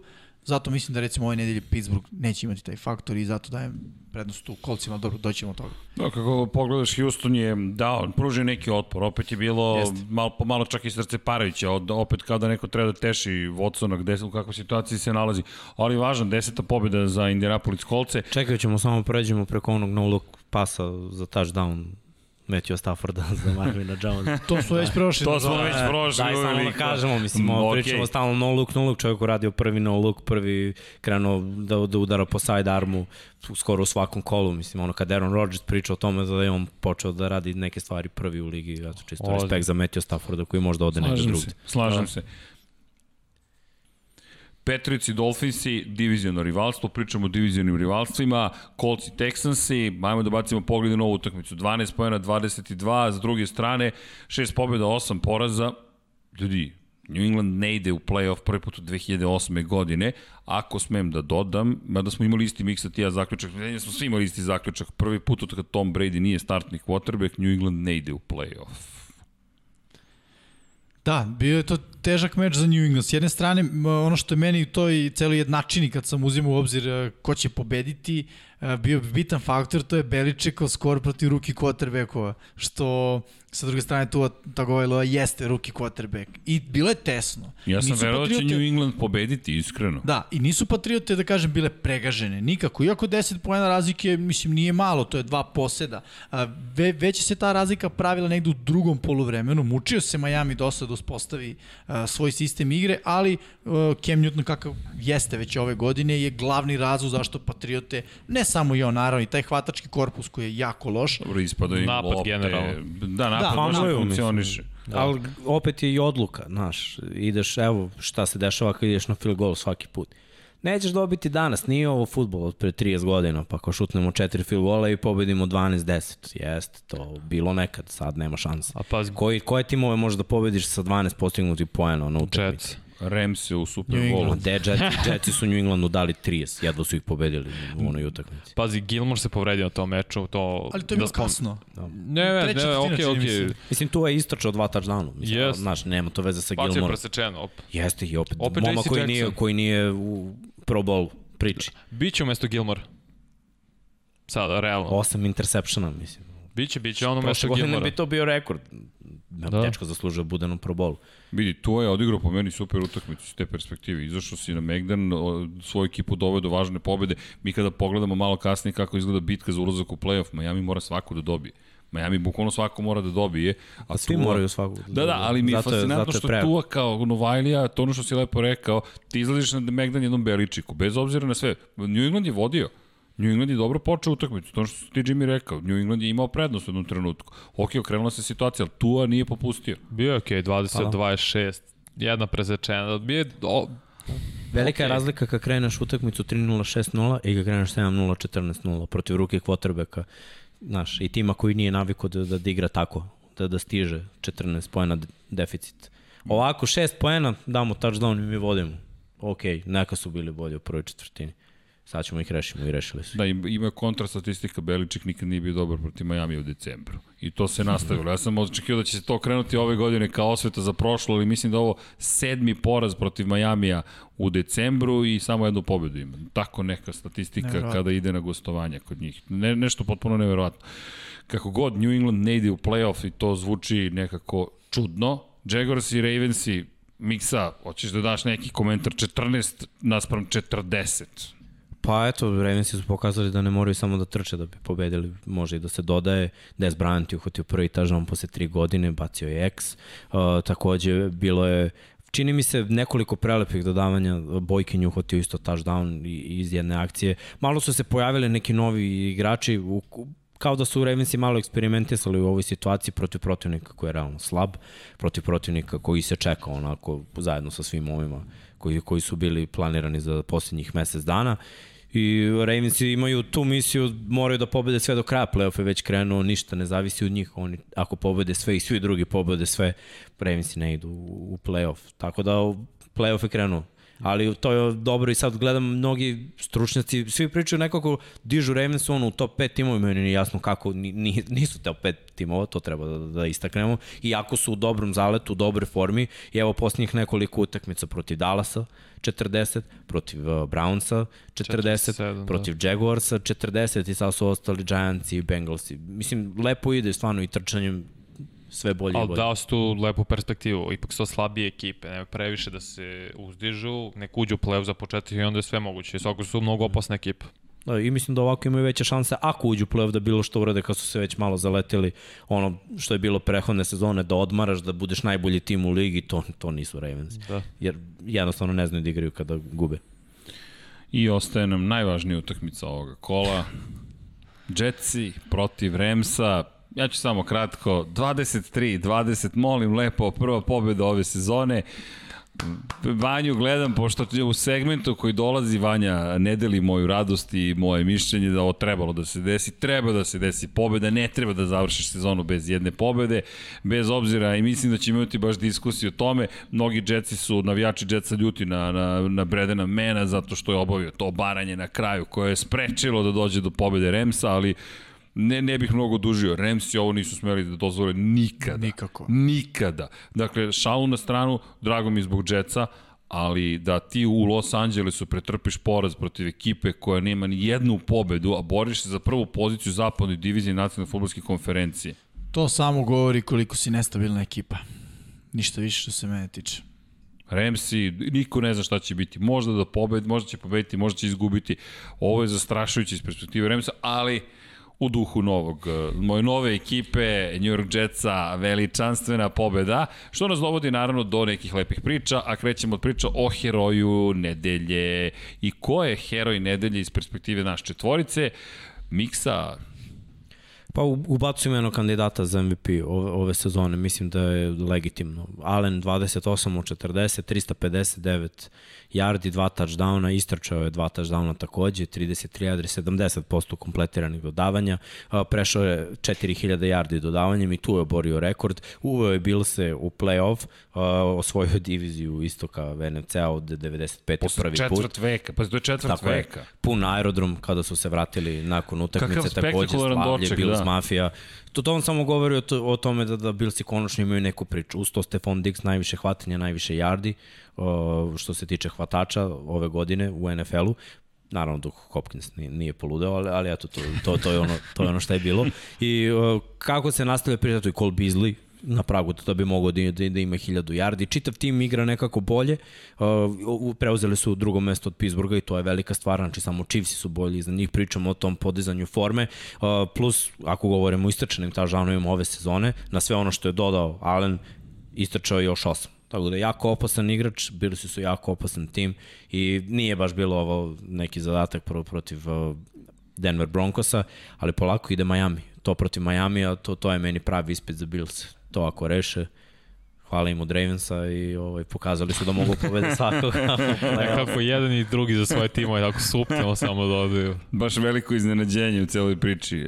Da li dobro? Ni, ja imam da navijam za nešto drugo. To Vanja ima. Vanja tvrdi da je trebalo da navijem potpuno suprotno, ali e, ko je tebi heroj? Čekaj, baš je veliko iznenađenje, ja moram da priznam. Pa, Quarterback moramo, Philadelphia da Eaglesa. Da, moramo da priznamo to kad stvarno čovjek jeste odigrao herojski. Da, Jalen Hurts, 24 kompletiranih pasova od 44 pokušaja, 338 yardi, prebacio je 300 ljudi. Prošle nedelje prebacio 100, i kao bilo je ok, skroman početak, imao i 100 yardi trčanjem, postigao touchdown, ove nedelje nastavio sa, sa touchdownom trčanjem, nije imao 100 yardi, imao 63 iz 11 pokušaja i dalje trči, dodavanjem 3 touchdowna.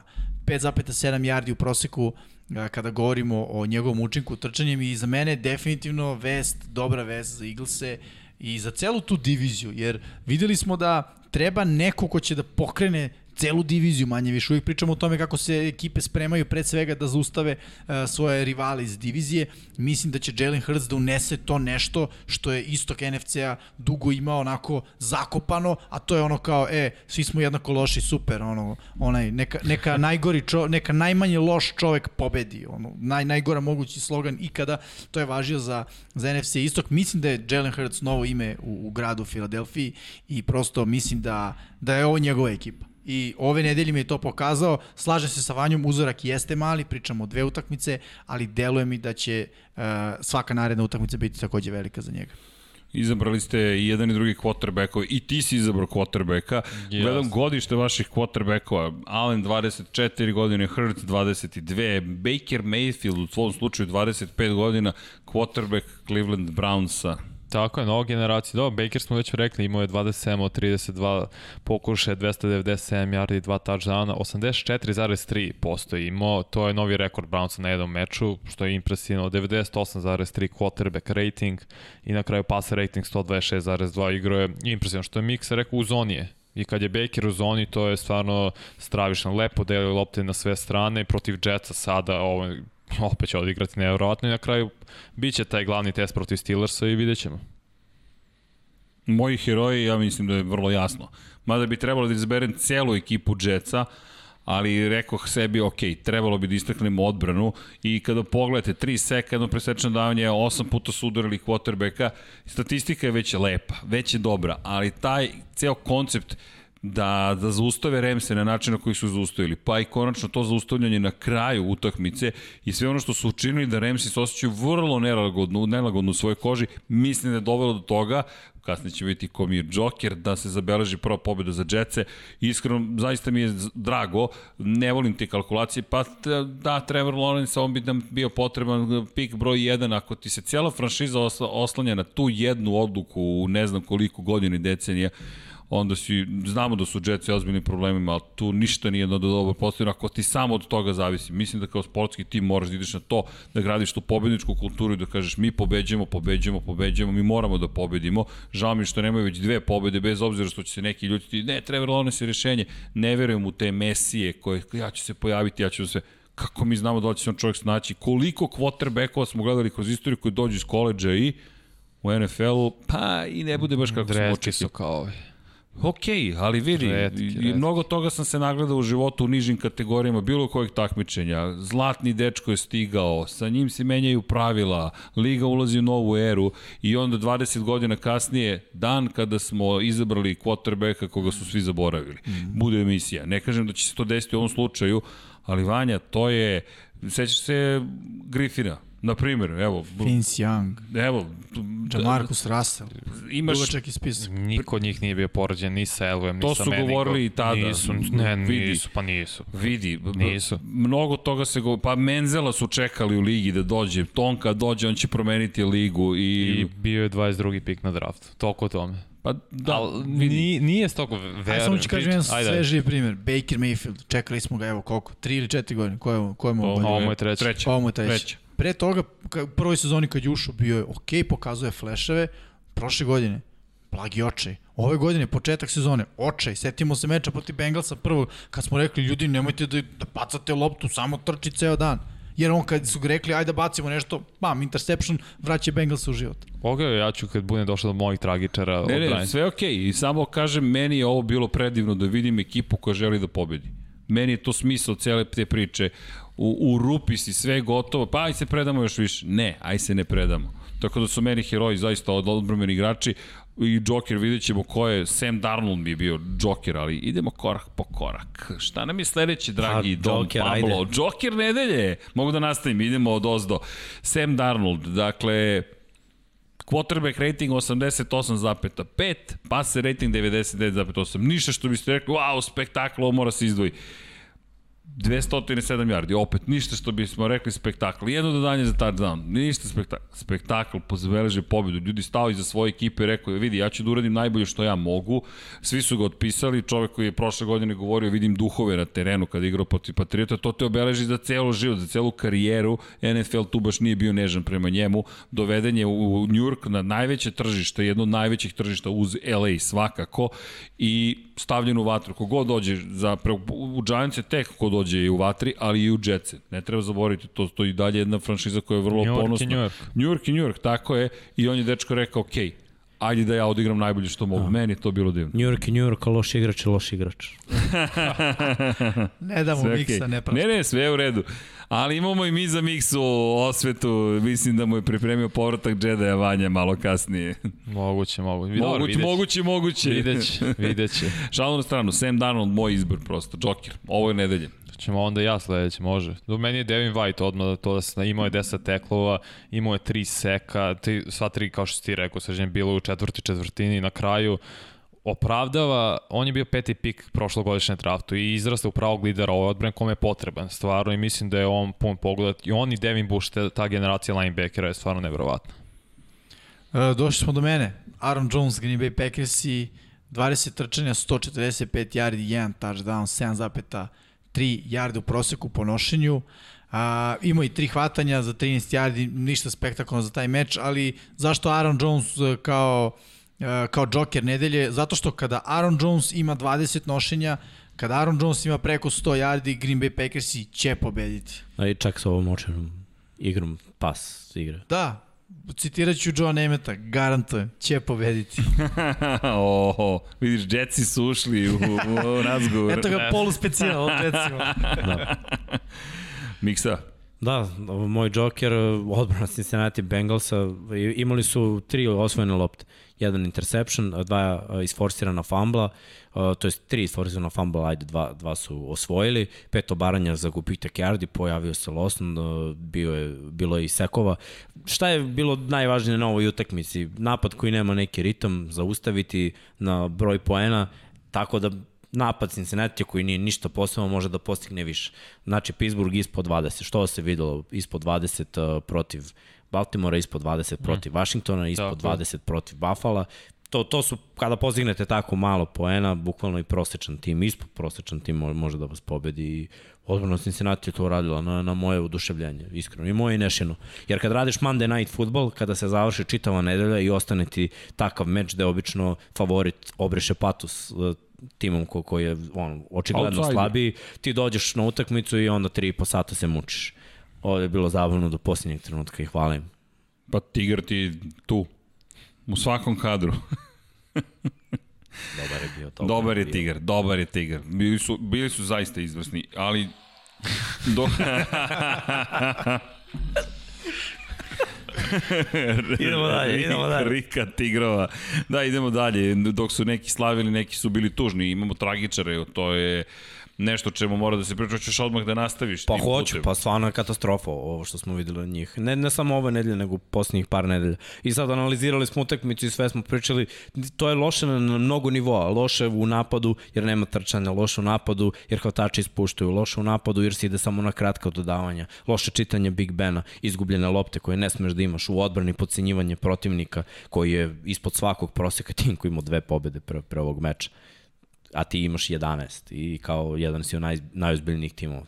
Toliko o tom, zato su tragičari. Zanimljivo, svi smo izabrali timove i Da. svi, niko nije izabrao čoveka. Jimmy, tebi, Eli Ramsey. Da, je, upravo sam htio da kažem isto stvar što si ti rekao, svi smo izabrali timove. Pa da, LA Ramsey, u taj meč su ušli u tom trenutku kao prvi u svojoj diviziji, kao, da kažem, novo ime koje će vladati tom divizijom, u smislu, bili su i treći u jednom trenutku, bili su i drugi, odjednom su prvi, Seattle se vidimo u nekoj blagom padu forme, Ramsey idu gore, igraš protiv poslednje ekipe u NFL-u. Ekipe koje će imati prvi pik na draftu u tom trenutku. Sada već ne. I ti izgubiš. I to ne da izgubiš, gubiš manje više sve vreme, gubiš od te ekipe. Obrukao se. Nemaš apsolutno nikakvu igru, pre svega u napadu. Odbrana i radi donekle, da kažem, neki deo svog posla, ali napad, ono je sramotno. Ono je bilo teško za gledati. I logično, tragičari. Vanja, tebi su Jetsi tragičari. Da, Jetsi su pobedili da se zapravo toliko izgubili. Ne, stvarno je tako, ti kad izgubiš prvog pika, sva, bilo koje druge godine ok, ali kad se pojavi ovakav igrač, kad se pojavljao Andrew Luck, Manning, Elway, ti, ti moraš da imaš prvog pika ako si već ovako loš, jer to je stvarno tolika razlika. Igro je Justin Fields sad protiv Northwesterna. Ohio State ima mnogo bolje igrače. Oni su jedva dobili samo zato što on igrao loše. Ima tu nekoliko još quarterbacko da ih sada ne imenujem, ali nisu ni blizu Trevor Lawrence. On je taj igrač koji menja franšizu, koliko god to tebi zazvuči jedan igrač. To je naj, najbitnija pozicija na terenu. Ako je on, a Lawrence jeste mnogo bolji, ali mnogo bolji, bolji i od Laka kao prospekt. Znači, tu su poredi se s Manningom Elway. Kao je on toliko dobar i ti ne, nemaš sad opciju da ga biraš, sem ako Jackson nekog ne dobije nekim čudom, što je vrlo moguće na kraju da dobiju kolce u poslednjem kolu. Ali ako to ne bude, ti imaš problem sad. Tebi se ne isplati da draftuješ Justin Fieldsa kao drugog. Bolje traduj tog drugog pika, uzmi, na, udobit ćeš nekoliko pikova, malo poboljša ekipu, nek Darnold bude quarterback, ali te, ako lo, bez Lorenza ti nemaš budućnost. A meni to zvuči potpuno kao da postoji, kao da postoji samo, me, ja, meni to got, nemoguć argument. Zašto? Jetsi ne postoje od juče. Jetsi neće postojati samo Kad su sutra. imali poslednji put dobrog quarterbacka? Namath. Pa vidi, uh, okej, a pa Šta a fali šta, Sanchez? a šta nisu pokušavali da, da, da to sklope nekako? Ne, ne, nije, nije to. Pa Imali da, su sigurnu stvar sad, u tome je stvar. Pa vidi, da, meni, meni to ništa nije sigurno. Bez obzira na sve što si postigao, ja, ja ne mogu to da gledam tako. Meni je to, ako se to ne desi, mi smo propali. Wow. Meni je to... Složit ću se sa Srđanom i da kažem, citirat ću Michael Jordan u jednom trenutku kad je rekao danas se igrači daju im se nenormalne pare i pričaju se nenormalni hvalospevi, hvalospevi njima samo na osnovu potencijala. Jer Da. NFL i college, kao s druge strane NBA i college, nisu isto i ne mogu da budu isto. To što si dobar na koleđu, kao što je Srđan već pomenuo u onom trenutku ranije, pokazalo se milion puta. Ja se slažem, mene, mene Lorenz oduševlja, ja, ja ga isto volim. Ali ako Jaxi uzmu Lorenza, zašto da ne uzmu Chase-a? Hvatača. Dajem primjer, Jetsi su toliko bušni da mogu da uzmu bilo koga i bit će dobar pik. Za njih. Ho, hoće, ali neće promeniti toliko taj Pa pik, da, kao Lorenz će, što je ali šta promenio. će Lorenz promeniti ako oko njega nemaš ekipu koja može da podrži to njegove kvalitete? Ja to ne vidim. On je tip igrač koji može prevaziđe i lošeg e, e, trenera i lošeg GM-a. Ja, O, ja, to će doći. Vanja, ja mislim da mu ti daješ status uh, superheroja, kao da je iz Da. Medena sa, s ratingom 100, Da, da, da. ali ja u to ne verujem. Ja bukvalno u to ne verujem. E, Možda on jeste dečko takav, ali meni je ovo dalje timski sport. Ja i dalje ne vidim da će onda prevaziđe lošu ofazivnu liniju i hvatače. Šta će da bude? Večni Markus Mariota, sam sebi dodaje za touchdown. Pa ne možeš, moraš da imaš ceo tim, bukvalno. Pa ne, ozbiljno, to je jedino, jedino što ja pamtim, ima Markus Mariota kad se odbila lopta od čoveka i on uhvatio i, I, i dobar nam je poznat pik broj 199. To sam teo ti kažem. Čeda Penningtona su izabrali u tom draftu. Da li ti možeš da kažeš e, neki Brady sedi tamo na 199. poziciji? To niko ne zna. Znaš, to su ti e, neopipljivi momenti. Pa nema pravila, ali opet Nema. ne, s neke strane razumem zašto on ovo kaže.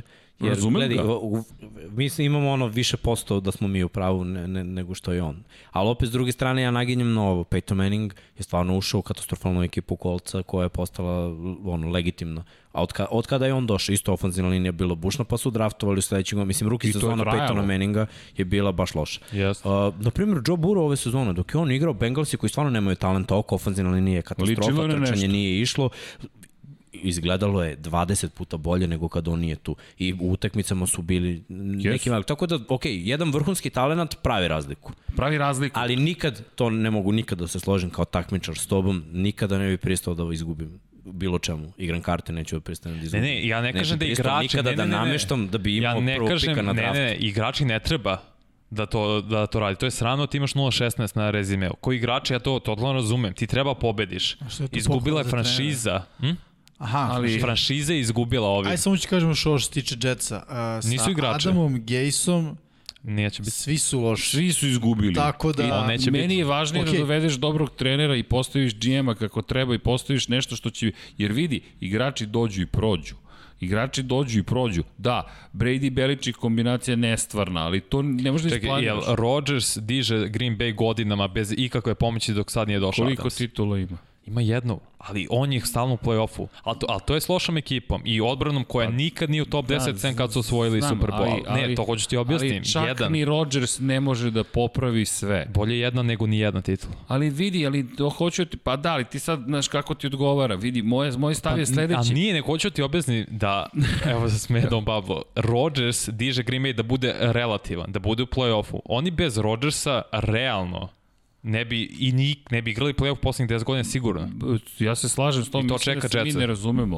Uh, meni je to nevažno. Ne, ima, ima primjera k- kada smo u pravu, mislim, evo ti Detroit i Matthew Stafford koji, mislim, imao 5000 yardi, bio sjajan quarterback i šta je Detroit bio jednom u play-offu i nikad ništa nisu radili. Ali to je franšiza koja tone isto kao što tonu Jetsi. Dobro, Da, da, Detroit tone vidi. više, ali i, Da. i Jetsi, mislim, tonu Ne, godinama. za, ali to hoću upravo da kažem. Može i ne mora biti. Vidi, ne, ne, ne, ne, ne, moje mišljenje je sasvim nešto drugo. Rešava se potpuno problem koji ne treba se rešava.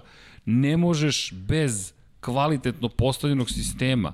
Ne možeš da kažeš jedan igrač će nama rešiti sve. Neće. Čak ni Aaron Rodgers ne može sam da osvoji titulu. Ne može. Možda može da dođe kao što smo evo sad pričali o Seattleu koji je postavio i uspeva da dođe do toga da bude u play-offu. I super, to je uspeh. Ali ti želiš titulu. To, to hoću da ti kažem. Franšiza ne može da zavisi od jednog igrača kakav god on bio. Ona zavisi od celog sistema, a sistem ne počiva na njemu. On će doći i proći. Ovako ili onako on će doći i proći. Ako ne postojiš franšizu na drugi način, a to po mom mišljenju kreće od pobjedničkog duha, Gaze, po meni on katastrofa. On čovjek mora da bude otpušten prvom izjavom pogrešnom. Da, e, Biće otpušten svako. Pa da, ali kasno. Moraš da postojiš zdrav sistem. Moraš da nađeš GM-a, moraš da nađeš trenera i da kažeš to je to. Kansas City, koliko dugo je radio na ovome? Koliko dugo je radio na ovome? Nije samo Mahomes u pitanju. Da Mahomes nije došao na takvo mesto, morao bi da čekaš jedno pet godina da se sve ovo složi. To hoću da ti kažem. To je istina. Jer vidi, ti dovedeš Lorenza, možda ćeš ga upropastiti u tim džecima. Možda Ja, ćeš ja ga sam uništiti u presrećan zbog džecima. njega što ne ide u Jets, I možda bi odbio džece. Ali podržavam tvoje da su oni tebi tragičari. A da samo, ali, govori, ali govoriš sistem. Evo sad smo pričali, New England, zato što Brady nije tu, ne ide u playoff. Jeste, To ste vi ali rekli. oni će naći rešenje lakše za Brady koliko god lakše. Čuj, to je jedan od najboljih igrača svih vremena.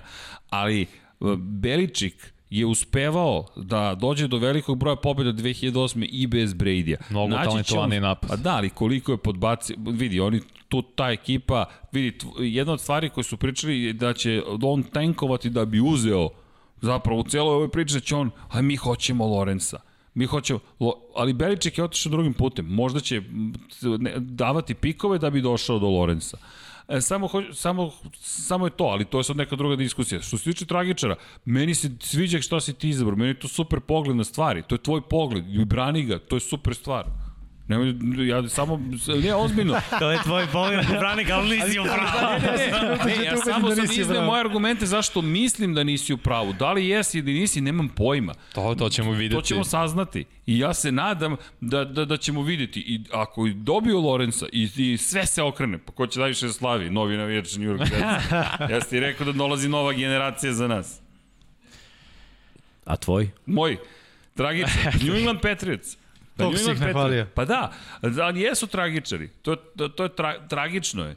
Ti kada pogled, nije, nije toliko meni tragično to što nisu ušli u play-off. Oni nisu ušli se ni sa Metom Kaselom u play-off. 11-5, koliko se sećam su imali te 2008. Tako je. Znači ti imaš 11 pobjeda, 5 poraza, ali se složili kockice tako da ne odiš. Ali sve ono što prikazuju New England Patriots se meni ne dopada. Način na koji na sta- stav na terenu mi se ne dopada. Ne liči mi na New England Patriots. Cam Newton ne mogu više da ga stavljam kao tragičara. Bio mi je prošle nedelje tragičar. Mislim da je njegova karijera gotova. Pa da, ali ono što je meni problem kod njega jeste, mislim da živi u samoobmani, ozbiljnoj. Njegova izjava je, mi sada sve što možemo da nastavimo da radimo je najbolje što možemo da radimo kako bismo u budućnosti videli šta možemo postignemo. Ja mislim da on nema tu budućnost, da, da je ovo kraj, da će ga bili ispoštovati iz pijeteta prema onome što je on nekada bio i da će mu reći na kraju godine pokušali smo, doviđenja jer budućnost ne postoji sa Kemom Newtonom. Ali mi je tragedija upravo u tome što su došli u situaciju to, zavisimo od igrača, vidi, mi, mislim da Bill mnogo poštuje neke ljude i mislim da je Cam Newton jedan od ljudi koji mnogo poštuje. E, slažem se sa svim što si rekao, samo bi malo proširio uh, celu priču sa tim. Ako se setimo, Kem dugo nimao ekipu. On je potpi, potpisao sa uh, Patriotama par nedelja Da, pred, pred početak kraj, sezone. tako je. Uh, i, ali su tu bile one neke razne priče, njega ne uzimaju zbog ovoga, zbog onoga, pa se paravila paralela i sa Kepernikom. Ljudi, ljudi prvo moraju da shvati jednu stvar. NFL je ozbiljan biznis. U tom biznisu su ljudi koji žele da pobeđuju, treneri, GM-ovi, vlasnici.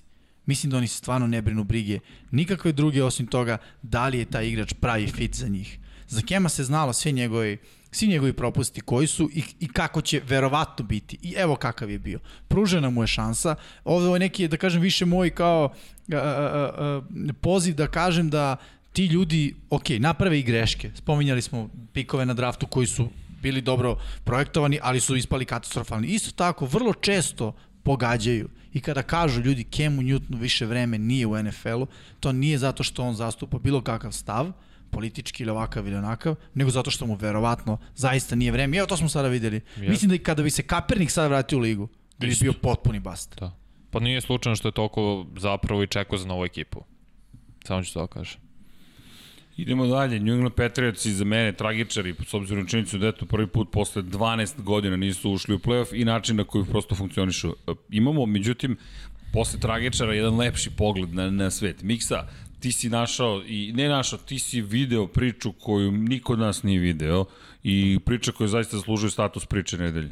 A, priča o, o liderima, priča o saigračima, priča o igraču koji je bio pro bowler, igraču koji je imao statistiku, ali nikad nije bio rob statistike, igraču kome je možda draže da, da bude deo tima, deo nekog bratstva, de, deo neke veće priče koja nema veze sa statistikom i time koliko ko igra snapova, koliko ko ima nošenja, koliko ko ima touchdownova.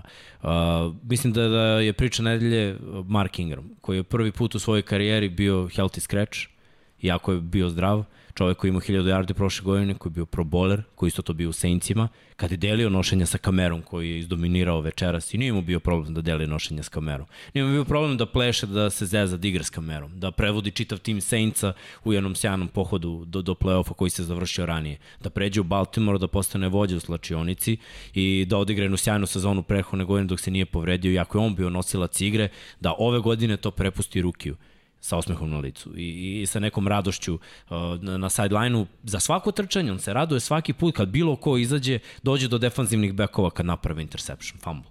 Uh, kad naprave seko baranje, dođe do linebackera defanzivnih linijaša. Kad Lamar uradi nešto dobro, džuska s njim. Kada Dobbins da touchdown, kada Gus Edwards da touchdown. Kada je Des Bryant napisao ono da neće više da igra, prvi poziv koji je dobio Des je rekao to je bio Mark Ingram, da ga ono rasplako. Jer je pričao o, o nečemu što je veće. I onda mene dovodi do, do razmišljanja koliko ja lidera takvih znam da, da ih ima u NFL-u. Jer uglavnom, kada mediji dođu, ok, na primjer, Mark, nisi imao dobru utakmicu, dobin si imao više nošenja od tebe, on odmah krene, pa da, ali ne znam, ja sam po moja... Odmah krene neko pravdanje, ok, imao je više od mene. Nije bitno, mi smo pobedili. To ono što, što izađeš, baš, baš što je Philips rekao, izgubili smo. Nije bitno. Znači, pobedili smo, to je, to je tim pobeđuje, tim gubi. Gubimo, tim pobeđuje, tim gubi.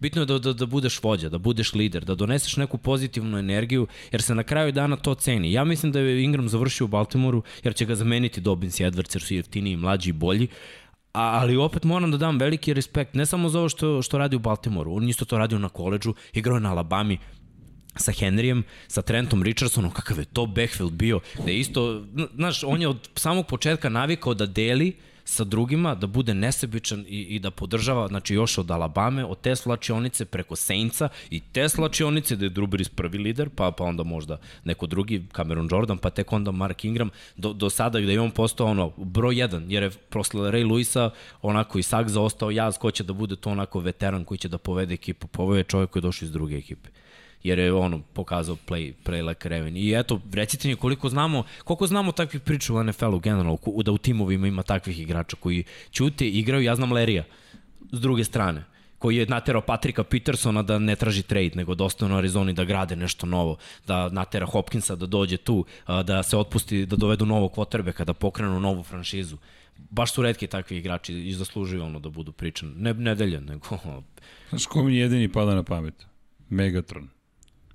Jedini mi pada na pamet da je... Pa, Pat Mahomes, ja bih rekao. Pa mo, možda, ali jedini meni ovako da padne, da pad, ali Pat Mahomes je toliko statistički... On nema lošu utakmicu, još da, nismo čuli da kaže da, da, izgubili da, smo... Da, ali, ali čak ni ovo nije, nego uh, kad kažeš Lerije, kad si uporedio, pa mi je to jedini čovjek koji bi rekao to o tome smo pričali, koji bi spustio sebe da drugi se osjećaju bolje, mi je bio Megatron po pričama iz sločionice, ali niko ovako nešto, ne, ne, ja ne znam da je ovako nešto učinio. Moram ti priznati da ovo liči, liči mi više na Fitzgeralda nego nešto drugo, ali ovako nešto ja ne, ja ne sjećam da smo čuli. Evo i da, Larry da, ove sezone, rekao si prvi touchdown koji je uhvatio ove godine. Prvi, Prvi ej, touchdown. Prihvatio je 15. da ne bude nedelji. s polja, prihvatio je da bude u slotu, prihvatio je da bude bilo šta, da Arizona bude konkurentna i da ih vide u play-offu na, nakon Da. godina. Pa ko je od svih igrača koji su u toj konkurenciji, on je promenio najviše ispod proseka quarterbackova u svojoj karijeri, ali ne, ti ljudi ne padaju, ti ljudi su uvek jaki,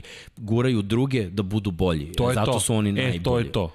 Kao To je ljudi, to. mislim kao vođe, kao, Kao ljudi. to vođe, mi je da, mnogo da. više važno od statistike. To, drži slačionicu. Što Da, i pazi, Mark Ingram još i Heisman osvajač. To još da. nosi. A suprotnost od, te, od toga, meni loš lider uvek je bio je Big Ben, koji redovno... toga imamo u svakom drugom timu. Ne, ne, rekao da gledamo i... Znam, znam, ali znaš kako, e, e, ovo je mnogo lepa priča.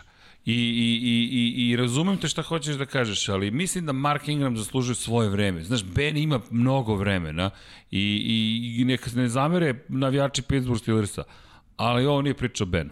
Ovo je priča o Marku i to je ono što Pošteno. Ok. okay. Znaš, ovo je priča o njemu, ovo je njegovo vreme. I hvala ti Miksa, nije nam palo na pamet, ti si izdvojio neku priču koja, koja meni, ja moram pristiti meni promakla, ja je nisam video. I mnogo ti hvala, zašto?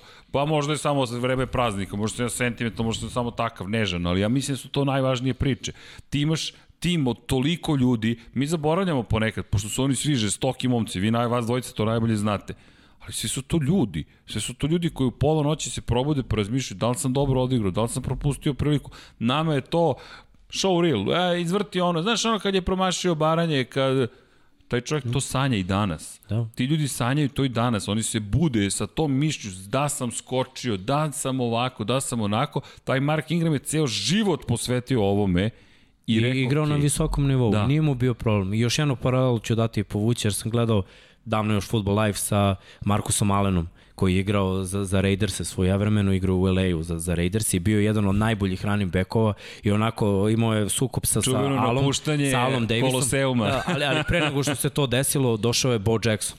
I on koji je bio pro bowler i bio MVP Superbola je stavljen na poziciju fullbacka da samo blokira za Bo Jacksona. I on je rekao, okej. Okay i samo je blokirao za Bo Jacksona, dok se Bo Jackson nije povredio. Pa je opet trčao i opet je bio pro bowler i opet je bio jedan od najboljih running backova i došao novi running back i Al Davis ga je stavio uh, da bude treći, četvrti running back i on je sedao na klupi i dok nije prešao u Kansas City I dok došao do se nije 10.000 desilo, yardi tako je. trčanjem u Koloseumu. A, ali sve vreme je čuto i bodrio svoj tim. To je ve, veličina. To, to je nešto što da. se ne dešava stalno. Da, da, a to su priče koje često nam promoknu, jer, to, a to je ta priča o su, statistici. nažalost, male priče. Zato, zapravo to su tihe priče.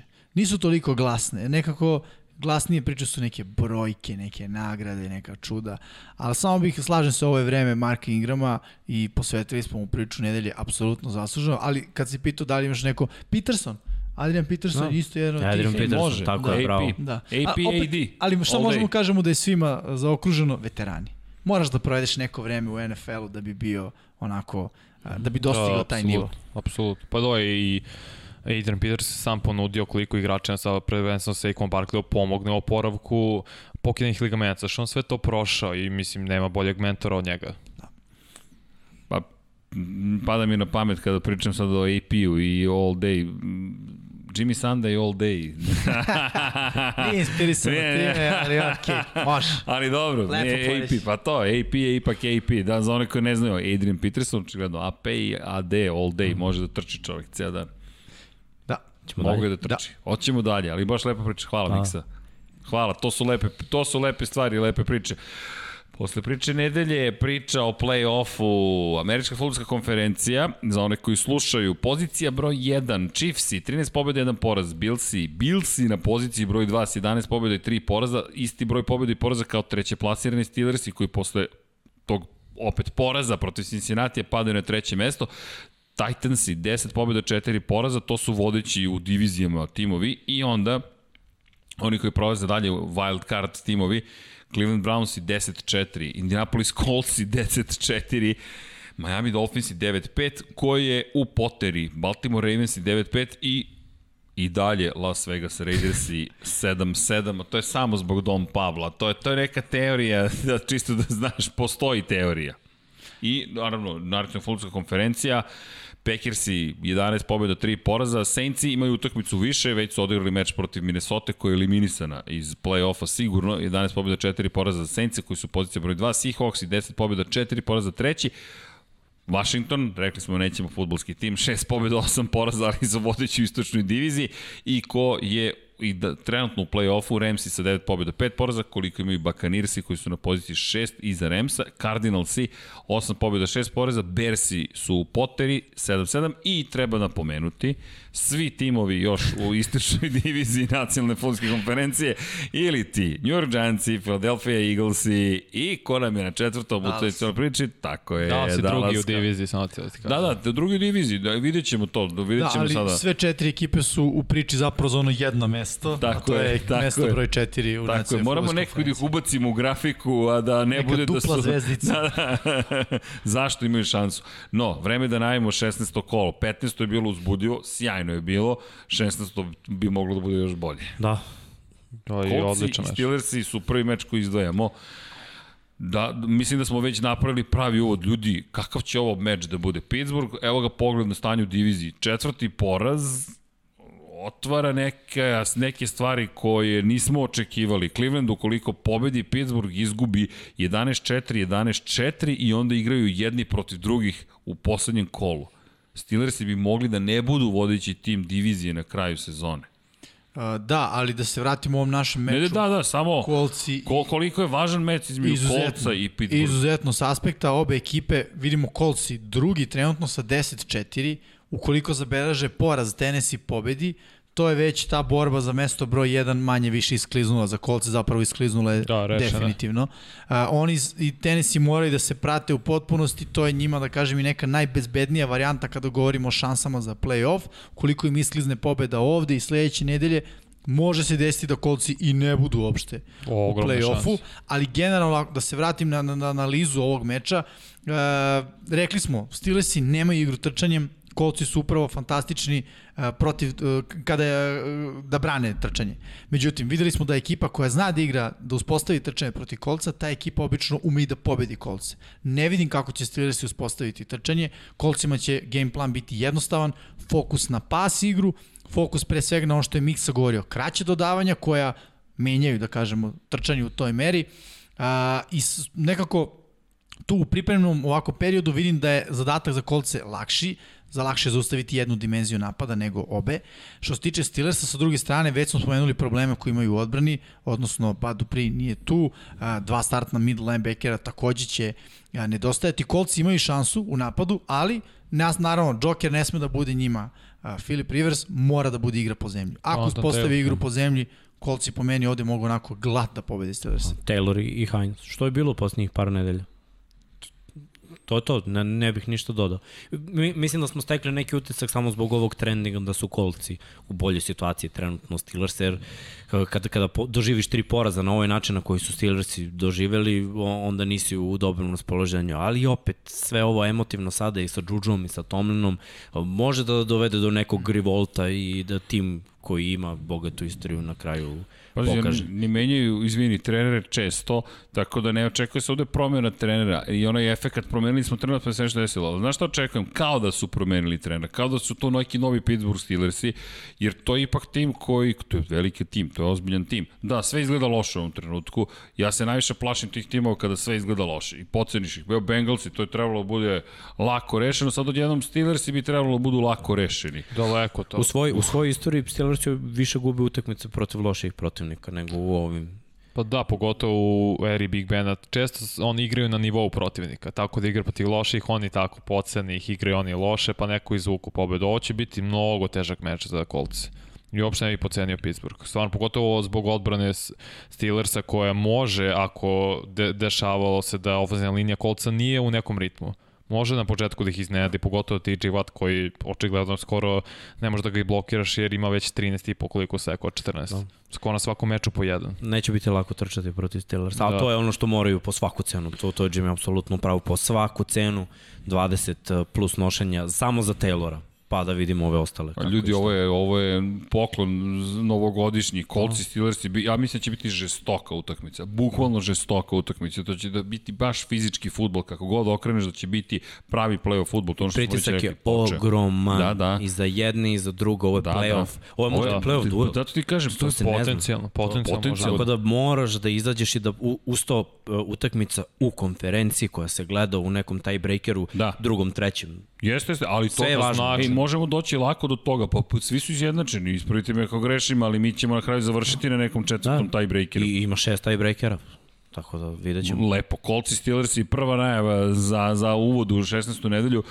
Čisto da nastavimo istim tempom. Titansi, Packersi, je 10-4-11-3. Mm, Slična situacija kada je reč o broju, identična po broju pobjeda i poraza. Packersi koji vode u, u severnoj diviziji, ta divizija to je rešeno. Dakle, znamo da će biti najbolji, međutim, vraćamo se sa novu priču. Kolci i Steelersi i odjednom Titansi protiv Packersa.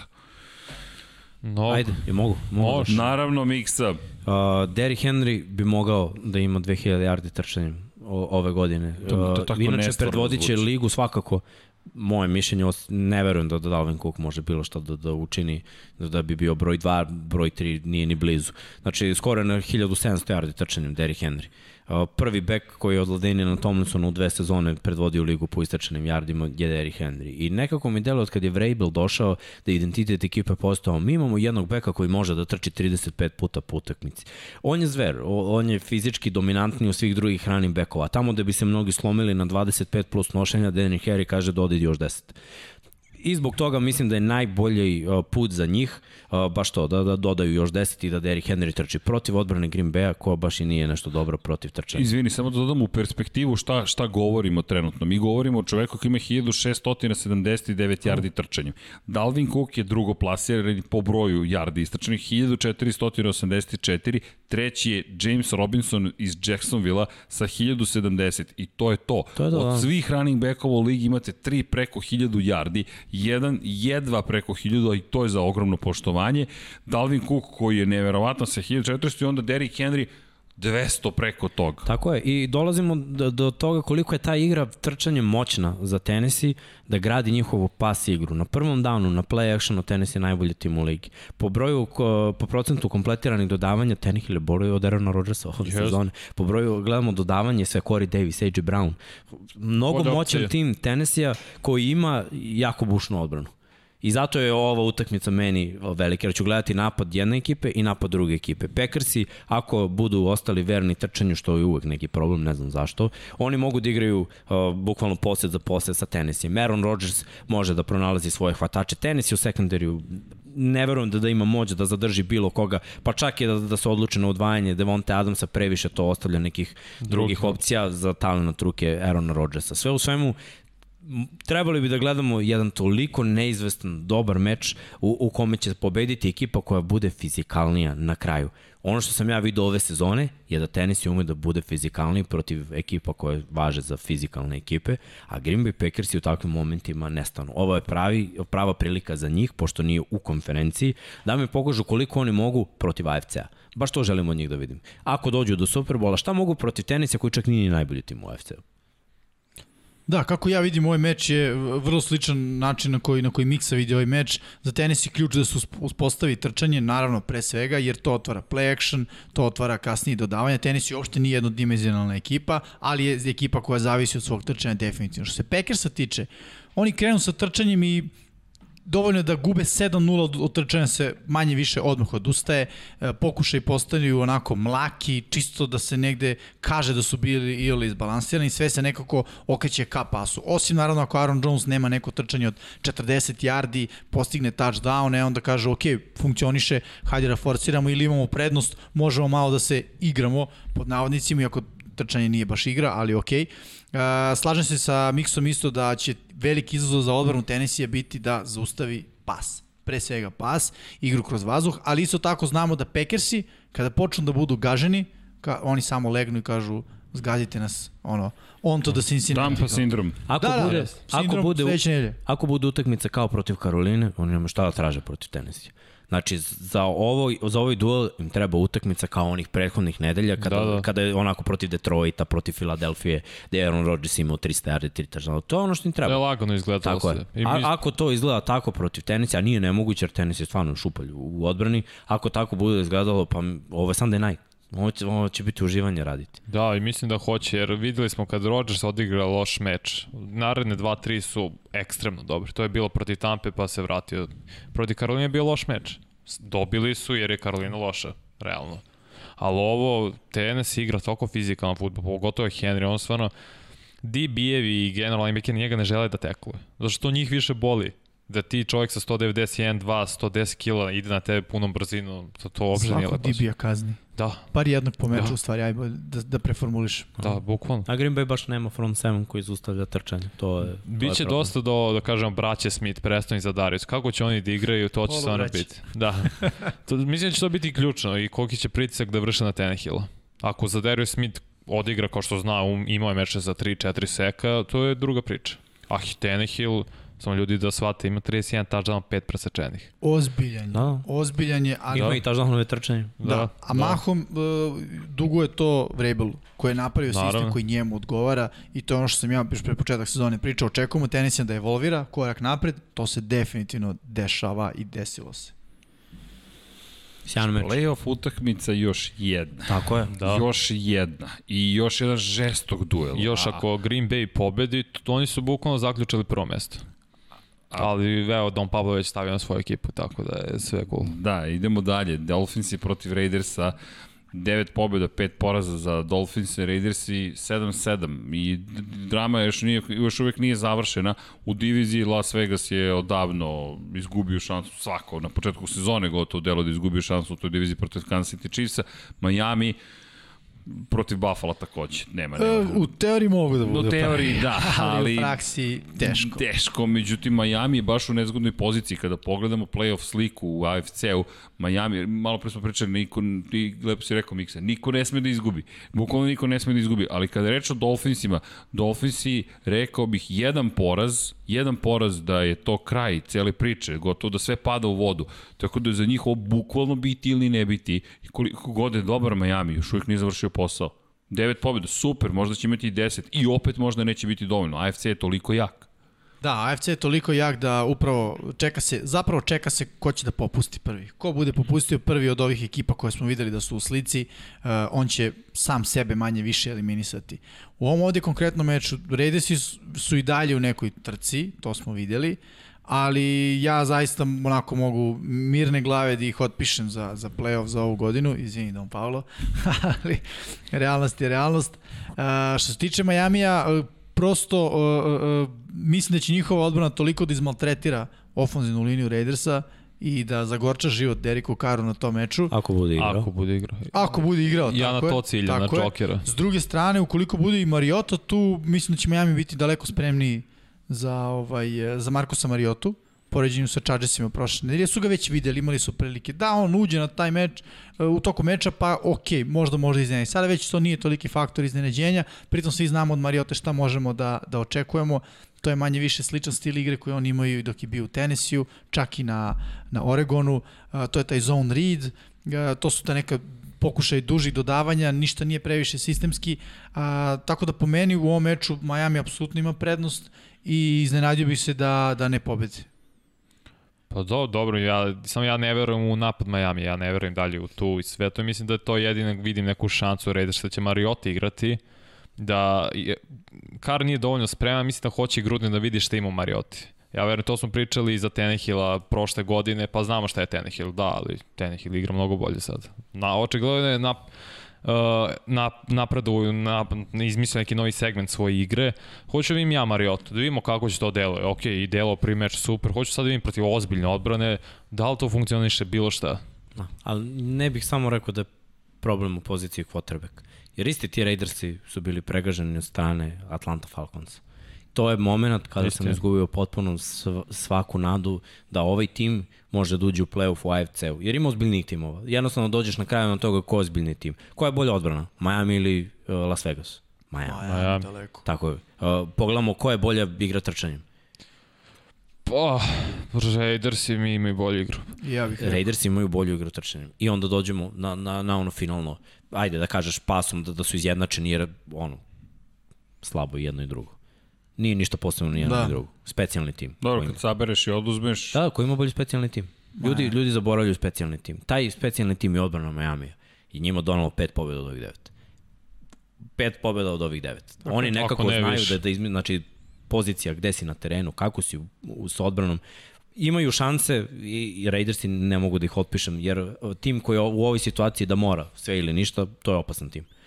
Opasan tim, ali oni moraju da se nadaju ne samo da će Miami da izgubi sve do kraja, nego da će Baltimore da izgubi sve do kraja. Jer samo tako, ako oni izgubi sve do kraja, uh, Raiders imaju šansu da uđu u playoff. To je sad već previše kalkulacija. Da, jedino što mene tu zabrinja za Miami iskreno jeste Gruden koji voli da pokvari planove, koji voli da se Pa, organizuje u tim Steelers se izbacio iz play-offa pre dve sezone. Pa, Ka, kada da. su bili loš tim i Derek Carr je bio loš i nije bilo trčanje, odbrana je bila šuplja, baš te Steelers koji su izgubili sad od Bengalsa izbacio iz play-offa pre to dve mi jeste neko razmišljanje. Gledam kad glavnom treneru koji ima tu filozofiju, ok, ajmo sad da pokažemo, damo sve od sebe i da, to je i šansa za ulazak u play-off, ali je i takođe... Postoji šansa. Da, ja mislim da će se Dolphins ipak okliznuti Klipovi tek u poslednjem kolu, jer tada igra protiv Buffalo Billsa, to im je duel u diviziji, a Buffalo Billsi su pokazali da su ozbiljni. A ovo je duel u konferenciji, opet, kada pričamo o taj breakerima, veoma je sve to važno, međutim imamo i, i duel u diviziji koji smo pripremili. Zapadna divizija nacionalne futbolske konferencije. Ljudi, Ramsi idu u Seattle posle poraza protiv Jetsa i ovo mislim da će biti super duel. Ne kažem da će biti možda najlepša, najkvalitetnija utakmica, ali to je divizija. Mislim da će ovo da bude baš brutalna utakmica. Najveća muka je bili zabrati mog pika za ovaj meč. Znači, Da. da. ne znam šta da kažem, iskreno. Remsi koji su delovali pre tri nedelje kao, ok, to je to, oni će biti prvi u ovoj diviziji, izgube od Jetsa. Seattle koji ne, ne, ne umem da ih opišem. Dobro, stvarno. izgubili su oni od Giantsa i jedno tako dobro je. Washington. New York im je. problem. Pa, Svima. možda, možda. New York. Možda si u pravu, ali toliko nezgodan meč za bilo šta reći o tome uh, ko će pobediti. Eto, videli smo Seahawksi uh, prošle nedelje protiv fantastične odbrane Washingtona, nula sekova dozvolili. Znači, moguće je. Pre svega govorimo zbog Arona Donalda u defanzivnoj liniji Remsa, ne samo njega, već celog tog front sevena. Sa druge strane, pričali smo da ako se hvatači ne pojave za Seattle, u smislu ako imaju neki 50-60 yardi, opet uz trčanje, ako bude bilo tu, bit će to na mišiće i možda i se i neće desiti pobeda, a deluje mi da ovaj sekundari Remsa će to da zaustavi. Sa druge strane, ukoliko Goff bude stajao u džepu, a to ne znamo, odjednom McVay odluči samo da promeni svoj sistem, da izbaci play Izvini, znaš šta meni ovo zvuči? Ne znamo, ne znamo, ne znamo, ne znamo, ne znamo, ne znamo, ne znamo i ne znamo. Sve što pogledaš, znamo, ali suštinski ne znamo. Jer Pa, par stvari, par stvari baš znamo. Par stvari baš znamo. Ovako, znamo da je Russell Wilson mnogo bolji od Jareda Goffa. Znamo da je Aaron Donald će biti čitavu utakmicu u double timu. Znamo da Jalen Ramsey sigurno neće dozvoliti McAfee da, da ima više od 40 yardi hvatanjem, što mu nije dozvoljeno I gde dolazimo? utakmici. Dolazimo do toga da neki igrači koji nisu toliko važni moraju da, da odluče ovu utakmicu. Što opet ne znamo. da Zato sam teo ti kažem, dakle, vraćamo se, ne znamo.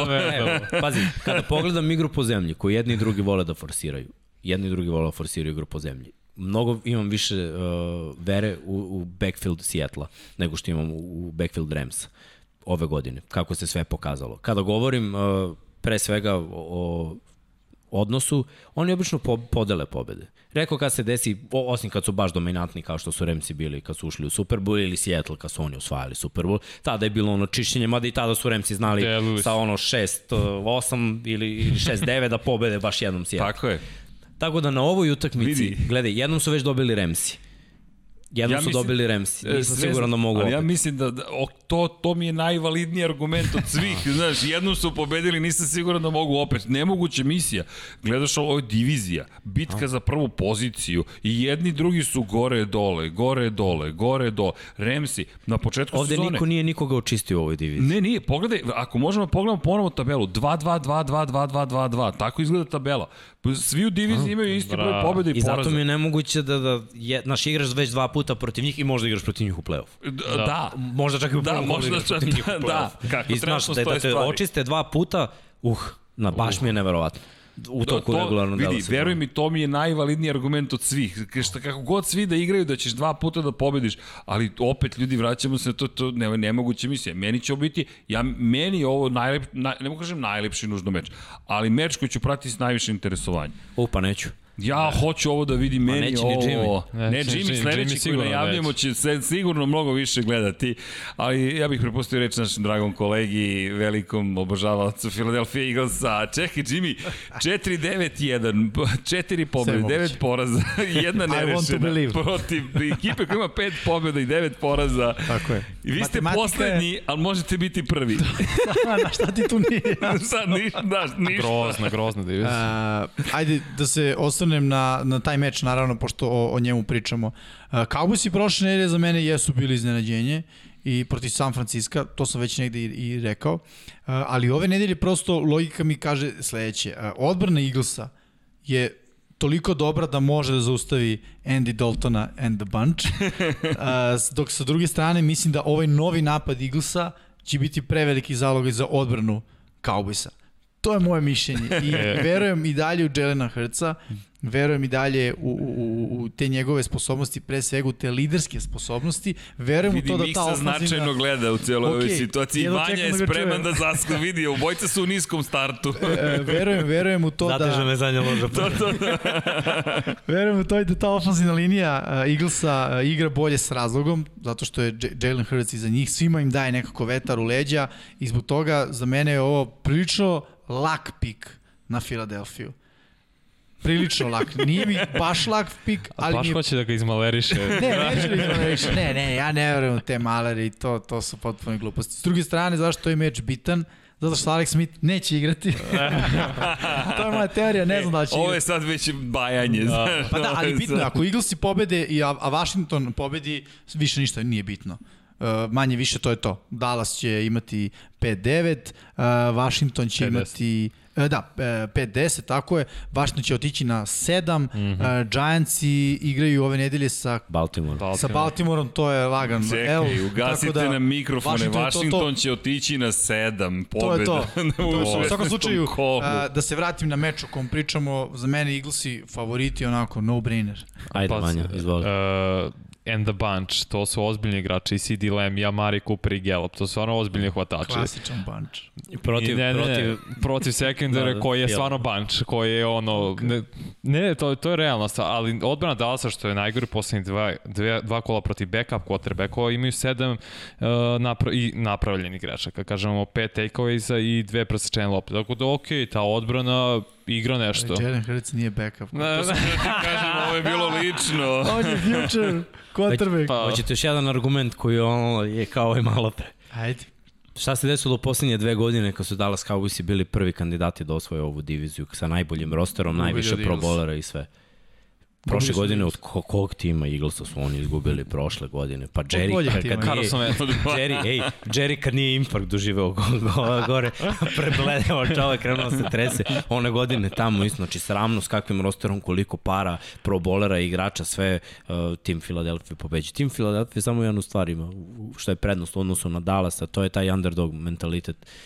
Znaš, men, tim koji uvek, koji uvek, koji, uvek A- potpisan i ima, by Jimmy Sunday. E, e, a- i, i ima šansu, znaš, i samo zbog toga imaju, ali ali Washington i da, i da ne dobije ovu utakmicu ko, koja im sledi, na kraju igra protiv Filadelfije. Tako da, gledaj, prošle godine smo se isto smejali, Fila isto imala lošu sezonu i morali su pobede posljednjih četiri, četiri utakmice da bi ušli u play Primećeš kakva je kaciga iz vremena Redskinsa pozicionirana između vas dvojice. Kukavić je ja je ubačen tu iza Jimmya. E, ali Gleda pazi, ga, pažljivo ga posmatra. E, ali pazi, uh, sada Philadelphia ima Pro Bowl igrača, što je najgore ima tri, Dallas nema ni jedan. Sad je obrnuto za situacija. Samo to hoću da kažem. Ja sam izabrao da se razumem Philadelphia da pobedi nego... Ne znam, ja mislim da će ovo biti najzanimljiviji. Čekaj, bitka za playoff. 4-9-1-5-9, bitka za playoff. Zar si sumnjao? Ne, ne, ali, ali ja, ja ponavljam, istočna divizija će nekom da zagorča život. Giantsi su one godine kad su osvojili Super Bowl ušli kao poslednji u wild card. Sam upravo. Tako osvete. Super Bowl. Ali I ne to možete kao posle, a vi ne možete kao poslednji Ne, ne, ali- To je tačno, to je Ali, Vanja, Vanja, na, za, da, da, to vi ćete biti četvrti ali nosilac. najgori, ponosno kažem, najgori. četvrti nosilac. Ali, zna, znaš znaš šta ovo? Ali dobro, tad su igrali protiv savršene ekipe koje ne imali jedan poraz. Chiefs imaju jedan poraz, tako da vi, dakle, idete na Chiefs u Superbowlu i pobeđujete. Može. Čuli ste prvi put ovo na 99 I nigde yardi. drugde. I nigde drugde nikad. Nigde drugde, evo, nećete da čuti. ok, i to nas Dobre. dovodi do semafora prognoza. Jej. Kako prognoziramo mi to? E, Mikse se tu uvek blago učuti, s obzirom činjenicu da njegova dela govore 150 pogođenih utakmica nasuprot 75, dosta jasan jedan odnos, dve trećine uspešnosti, svaka čast. Vanja ti dalje tu, dahće, pokušava, 147 nasuprot 78, Jimmy počeo da popušta u poslednje vreme, A, ludih 140, da, da, kroz 85, Žule 138 kroz 87, pazi, sustižete Žule, ja ne sustižem nikoga, nemojte ništa da brinete. Ali, odlukom velikog uh, veća, Da. uh, kluba 150, u kome sam samo ja, od play-offa gređemo od nule, tako da svi imate šanse. Opa. Tako je, Jimmy. A, može, pošteno. Velikodušni Mihajlo. Mihajlo velikodušni. Sveti Mihajlo. Tako da, da, krenut ćemo kad uđemo u playoff, uh, novi život, pazi, kao Jetsi, to će biti Feniks koji se diže Aj, iz ja. pepela jedne franšize Da, jer i čak i Aj, ja. ako uđeš kao poslednji, ima šansu, tako je. Samo se ti smeji, samo se vi smejite, ovo je, hva, hvala, pa hvala, Miksa neće ovo zaboraviti. ćemo dalje. Hoćemo. Kako smo prognozirali prošle nedelje. LA Chargersi u poseti Las Vegas Raidersima, svi smo izabrali Chargerse osim Jimmy-a. Bio sam blizu. Explain yourself. Tri pojena razlike, Dakle. to je bilo tesno. Ja sam očekivao da će biti tesno, nisam očekivao Mariotu, da budem iskren, ali ovaj, ja ovo ne prihvatam kao totalni promašaj. to je X. Tri pojena razlike. Šta je to XY? To je A, to kao kad smo i Srđan dali za Jetsa, ono, po kad je tačno. Vi, to. Greška. Jetsi, ne, ne, da nisu, uf, ne smijem da kažem da su predali onu utakmicu, ali birao bi ih taman kad su zabeležili ovu jednu pobedu, ali dobro, to je sad već moj problem. Buffalo otišu Denver i zabeležio pobedu, svi smo birali Buffalo, nigde nije bilo, negde ni sumnje. Carolina u poseti Green Bayu, svi smo birali Green Bay, jeste bilo problema tu za Green Bay, ali pobeda zabeležena. San Francisco u Dallasu, svi smo izabrali San Francisco i svi smo A pogrešili. ovde mi je najviše žao što mi Jimmy pitao, aj, u što ne uzmeš Dallas ti, da malo se razlikuješ. Rekam, neću, da, daj San Francisco. Neverovatno da protiv najgore odbrane u ligi nisu uspeli ništa Da. da, urade, to je, to je sramno. Jeste, ovo je baš veliki problem, ali ok, ja birali smo. dve greške na početku, to je bilo to. Seattle protiv Washingtona, svi smo tipovali Seattle, bez obzira na Preznojavanje. Da, nekih i jeste, Seattle zabeležio pobedu. Chicago u Minnesota, Jimmy i Mixa, vi ste birali Minnesota, Pa više sam verovao u njih nego u Chicago, ali da. jer Minnesota pobedom je tu mogla sa Arizonom da, da, da odigra egal, ali imala je šansu. Pa da, ali Uđe ta pre- odbrana Minnesota, mislim kad ti Chicago da 30 plus mm -hmm. i sada Saints i 50, to ti sve govori. Nisi ti playoff tim. Da, nisu, pa da, meni se činilo da će opet sa New Orleansom, to ćemo vidjeti, nešto moći da učine, ali to je bila uzaludna nada. Ja sam jedini tip, ne, Žule i ja smo tipali New England Stara protiv garda. Miami. New England u Majamiju, da, tipovali smo da će tu da bude osveta New Englanda i da će New England nekako nešto da učini. Nije se desilo, Miami je rekao svoje. Tampa Bay protiv Atlante, mislim da smo se svi zapitali zašto da. smo izabrali Tampa u, na polu vremenu, ali Don Pablo je samo preskočio ovu priču Tampa Bay, šk, gotovo, svi ste zabeležili pobedu, neka ostane na tome. Detroit u Tennessee, niko ne očekivao ništa, ništa se nije ni desilo. Tennessee je pobedio, Houston i Indianapolis, svi su ti poli domaćini, Indianapolis pobedio. New York Jetsi protiv LA Ramsa, Dovoljno svi smo nažalost, da. birali LA Ramse, ali dobro, Kansas City protiv New Orleansa, bez obzira na duel, nekako se činilo da to jeste utakmica sa Kansas City, to se i, takođe dogodilo. I na kraju Philadelphia u Arizoni, Jimmy i ja smo verovali u Phil, čekaj Jimmy. Čekaj. Bili smo blizu. Evo, ej, vidi, vidi, mo, on- bilo je drame. Ja shvatam kao veliki promašaj. Piše se pola poena. Pola, može. Pola poena. Jacksonville u Baltimoru, ok, ovo je bez, bez komentara. Cleveland u Njurku, protiv Giantsa, Cleveland odne pobedu, svi smo to birali. Pittsburgh protiv Cincinnati, svi smo verovali u Pittsburgh, ali takođe potpuni promašaj, što nas je dovelo do onih rezultata na početku, međutim, sad ide onaj zabavni deo, da najavimo, da najavimo, prognoziramo kolo broj 16, ne popuštam kada je reč o porazima, Minnesota, New Orleansu, izabrao sam Minnesota i... Dobro, imao si 50% šansa. Vidi, na neki način sam pogodio, jedini, ali da, nije se to biralo. Tampa Bay protiv Detroita, svi smo birali Tampa Bay, i dalje verujemo da je dovoljno dobar tim da dobije Detroit, čak i u Detroitu. San Francisco protiv Arizone. Svi ste birali Arizonu, ja sam izabrao San Francisco Zbog? po diviziji. Ništa drugo. Apsolutno nemam nikakav argument osim divizije da je to, to uvek, uvek se desi neki pakao u diviziji nekome. San Francisco je mnogo loš, to smo videli. Arizona je bila veoma dobra, ne mogu kažem mnogo dobra, ali veoma dobra. Dovoljno dobra da pobedi, međutim, čujte ljudi, u stanju sam očaja, ispod 60 odavno moram Moraš da, da, da do 150 rizikujem. dođeš bar. Da, hvala ti. Ne, Pa ne, sad ne vi, bez ovog, stvarno, stvarno, mislim da to realno. Nadam se. Na, nadajmo se da će to da se dogodi. Lepo je Nadajmo se. biti u klubu 150. Polako, korak po korak. Ok, Las Vegas Raiders je protiv Miami, a tu je Vanja i, dakle, Jimmy Mixa žule Miami, nas dvojice verujemo u Raiders. Iz kog razloga verujemo Pa u Raiders? verujem u Mariota, neki vrsta džokera, a i da bi se šlitao Don Pablo, tako da... to- Aha, ok, ovaj, ovo je sad kupovina poena u Ha, studiju. jest. Ok. Jeste, ne, ja nekako mislim da će, da će neki Gruden- osjećaj tako. Ne, ja samo mislim da će Gruden da im zagorča život. Da je, da je bukvalno da će to biti jedina misija za kraj sezone. Iskreno, to, to mi je mišljenje i da će tu biti problem. Ajde, ako tako mislite, kucnite u drvo. Kucite mu u drvo. Idemo dalje. Washington protiv Karoline. Svi tipujemo na Washington, osim gospodina Jimmya Sandeja. Pa, šta mi vredi pobjeda Fila ako Karolina ne pobjedi. Tako da moram da tipam na Karolinu ovdje. Dobro, to je vrlo A jednostavan i da argument. budem iskren, ne očekujem da igra Alex Smith, stvarno. Iako su još uvek različite najave, ja ne očekujem zato što nema logike. Ako, šta mislite, koliko puta će ponoviti ovo? Pa ne, bolje da odmori još jednu nedelju da onda igra poslednju, jer im treba za playoff, ako do playoffa Ništa, dođu. Ron Rivera da sluša 99 yardi, kaže ima smisla ovaj dečko. informiše čovjek. Tako je, govori, tako, govori istinu, su, suvu istinu. Indianapolis u Pittsburghu, svi smo tipovali na Indianapolis. Atlanta u Kansas City-u ne bih komentarisao, Kansas City smo svi izabrali, E, ok, e, za Jetse smo rekli kada pobedi spremamo specijal. Je smijem da kažem Atlanta ako pobedi Kansas City, sva četvorica radimo specijal. Uh, ajde. Uh. Nadam se da se neće Ajde, desiti. Šta je, plašite Je se? možemo da ne radimo specijal u Atlanti. Da. Da, ali ako Možda pobedi Kansas City. specijal. Ali Julio ne igra. A on ne može mi. Julio. ok. Pre Chicago. bi radio specijal u Jacksonville, ako pobede. Može. E, nemoj Evo. to, to, to se možda i desi. Pusti. Chicago Ne, ne, je ako. Atlanta pobedi Kansas City, da se radi specijal u Jacksonville. Chicago je u poseti Jacksonville, svi tipujemo na E, Chicago, samo ali... sekund, Don Pablo, molim te, mi ovo nećemo čuti, čuće gledalci, ako možeš samo pustiš ovo, posle će čuti. Ja više neću zabrati Chicago ne, do ne, kraja ne, sezone. to smo rekli, tako da. Ne, ne, dobro, dobro, dobro. Ja više neću zabrati Chicago do kraja sezone, to smo rekli, tako da. Može još jednom, za moje uši. Ja više neću zabrati Chicago do kraja sezone, to smo rekli, tako da. Da, de... Hvala. poruka je... uh, Miksa je rekao da nikada više neće tipovati na Chicago. Da. Ali, Ali, Ali, vraćamo. ali, ali sad ću da ti objasnim. Jetsi, da, sad, ću- sad ću ti kažem.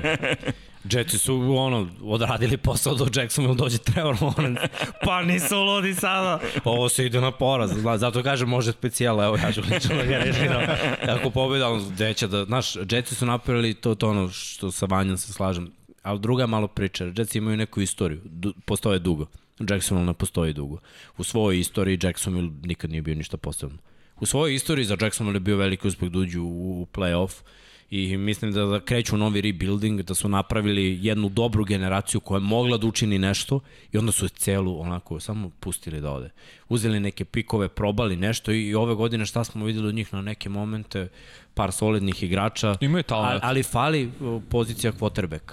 I sad imaju prvog pika na draftu. Od uvek nedostaje. Znaš, i sad imaju prvog pika na draftu. Ne bi me čudilo da onako se upuste u ovaj meč da otvore sva vrata Chicago da pobedi. Baš mi deluje kao onako poklonjen meč.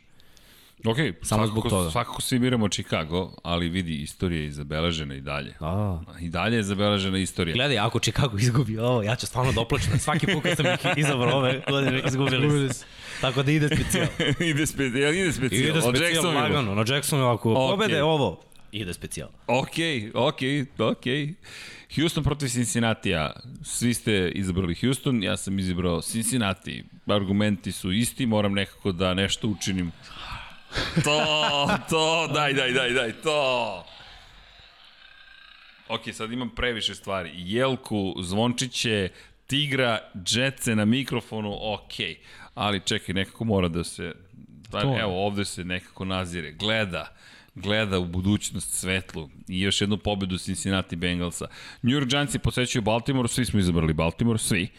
Cleveland protiv New York Jetsa, a ovo, ovo nisam smeo da učinim. Ovo stvarno nisam smeo da učinim. Da li možete da mi dozvolite jednog džoka, da, da ipak kažem Jetsi, red je da, da, da, da padnem sa svojom ekipom kako dolikuje. Može, ajde, A?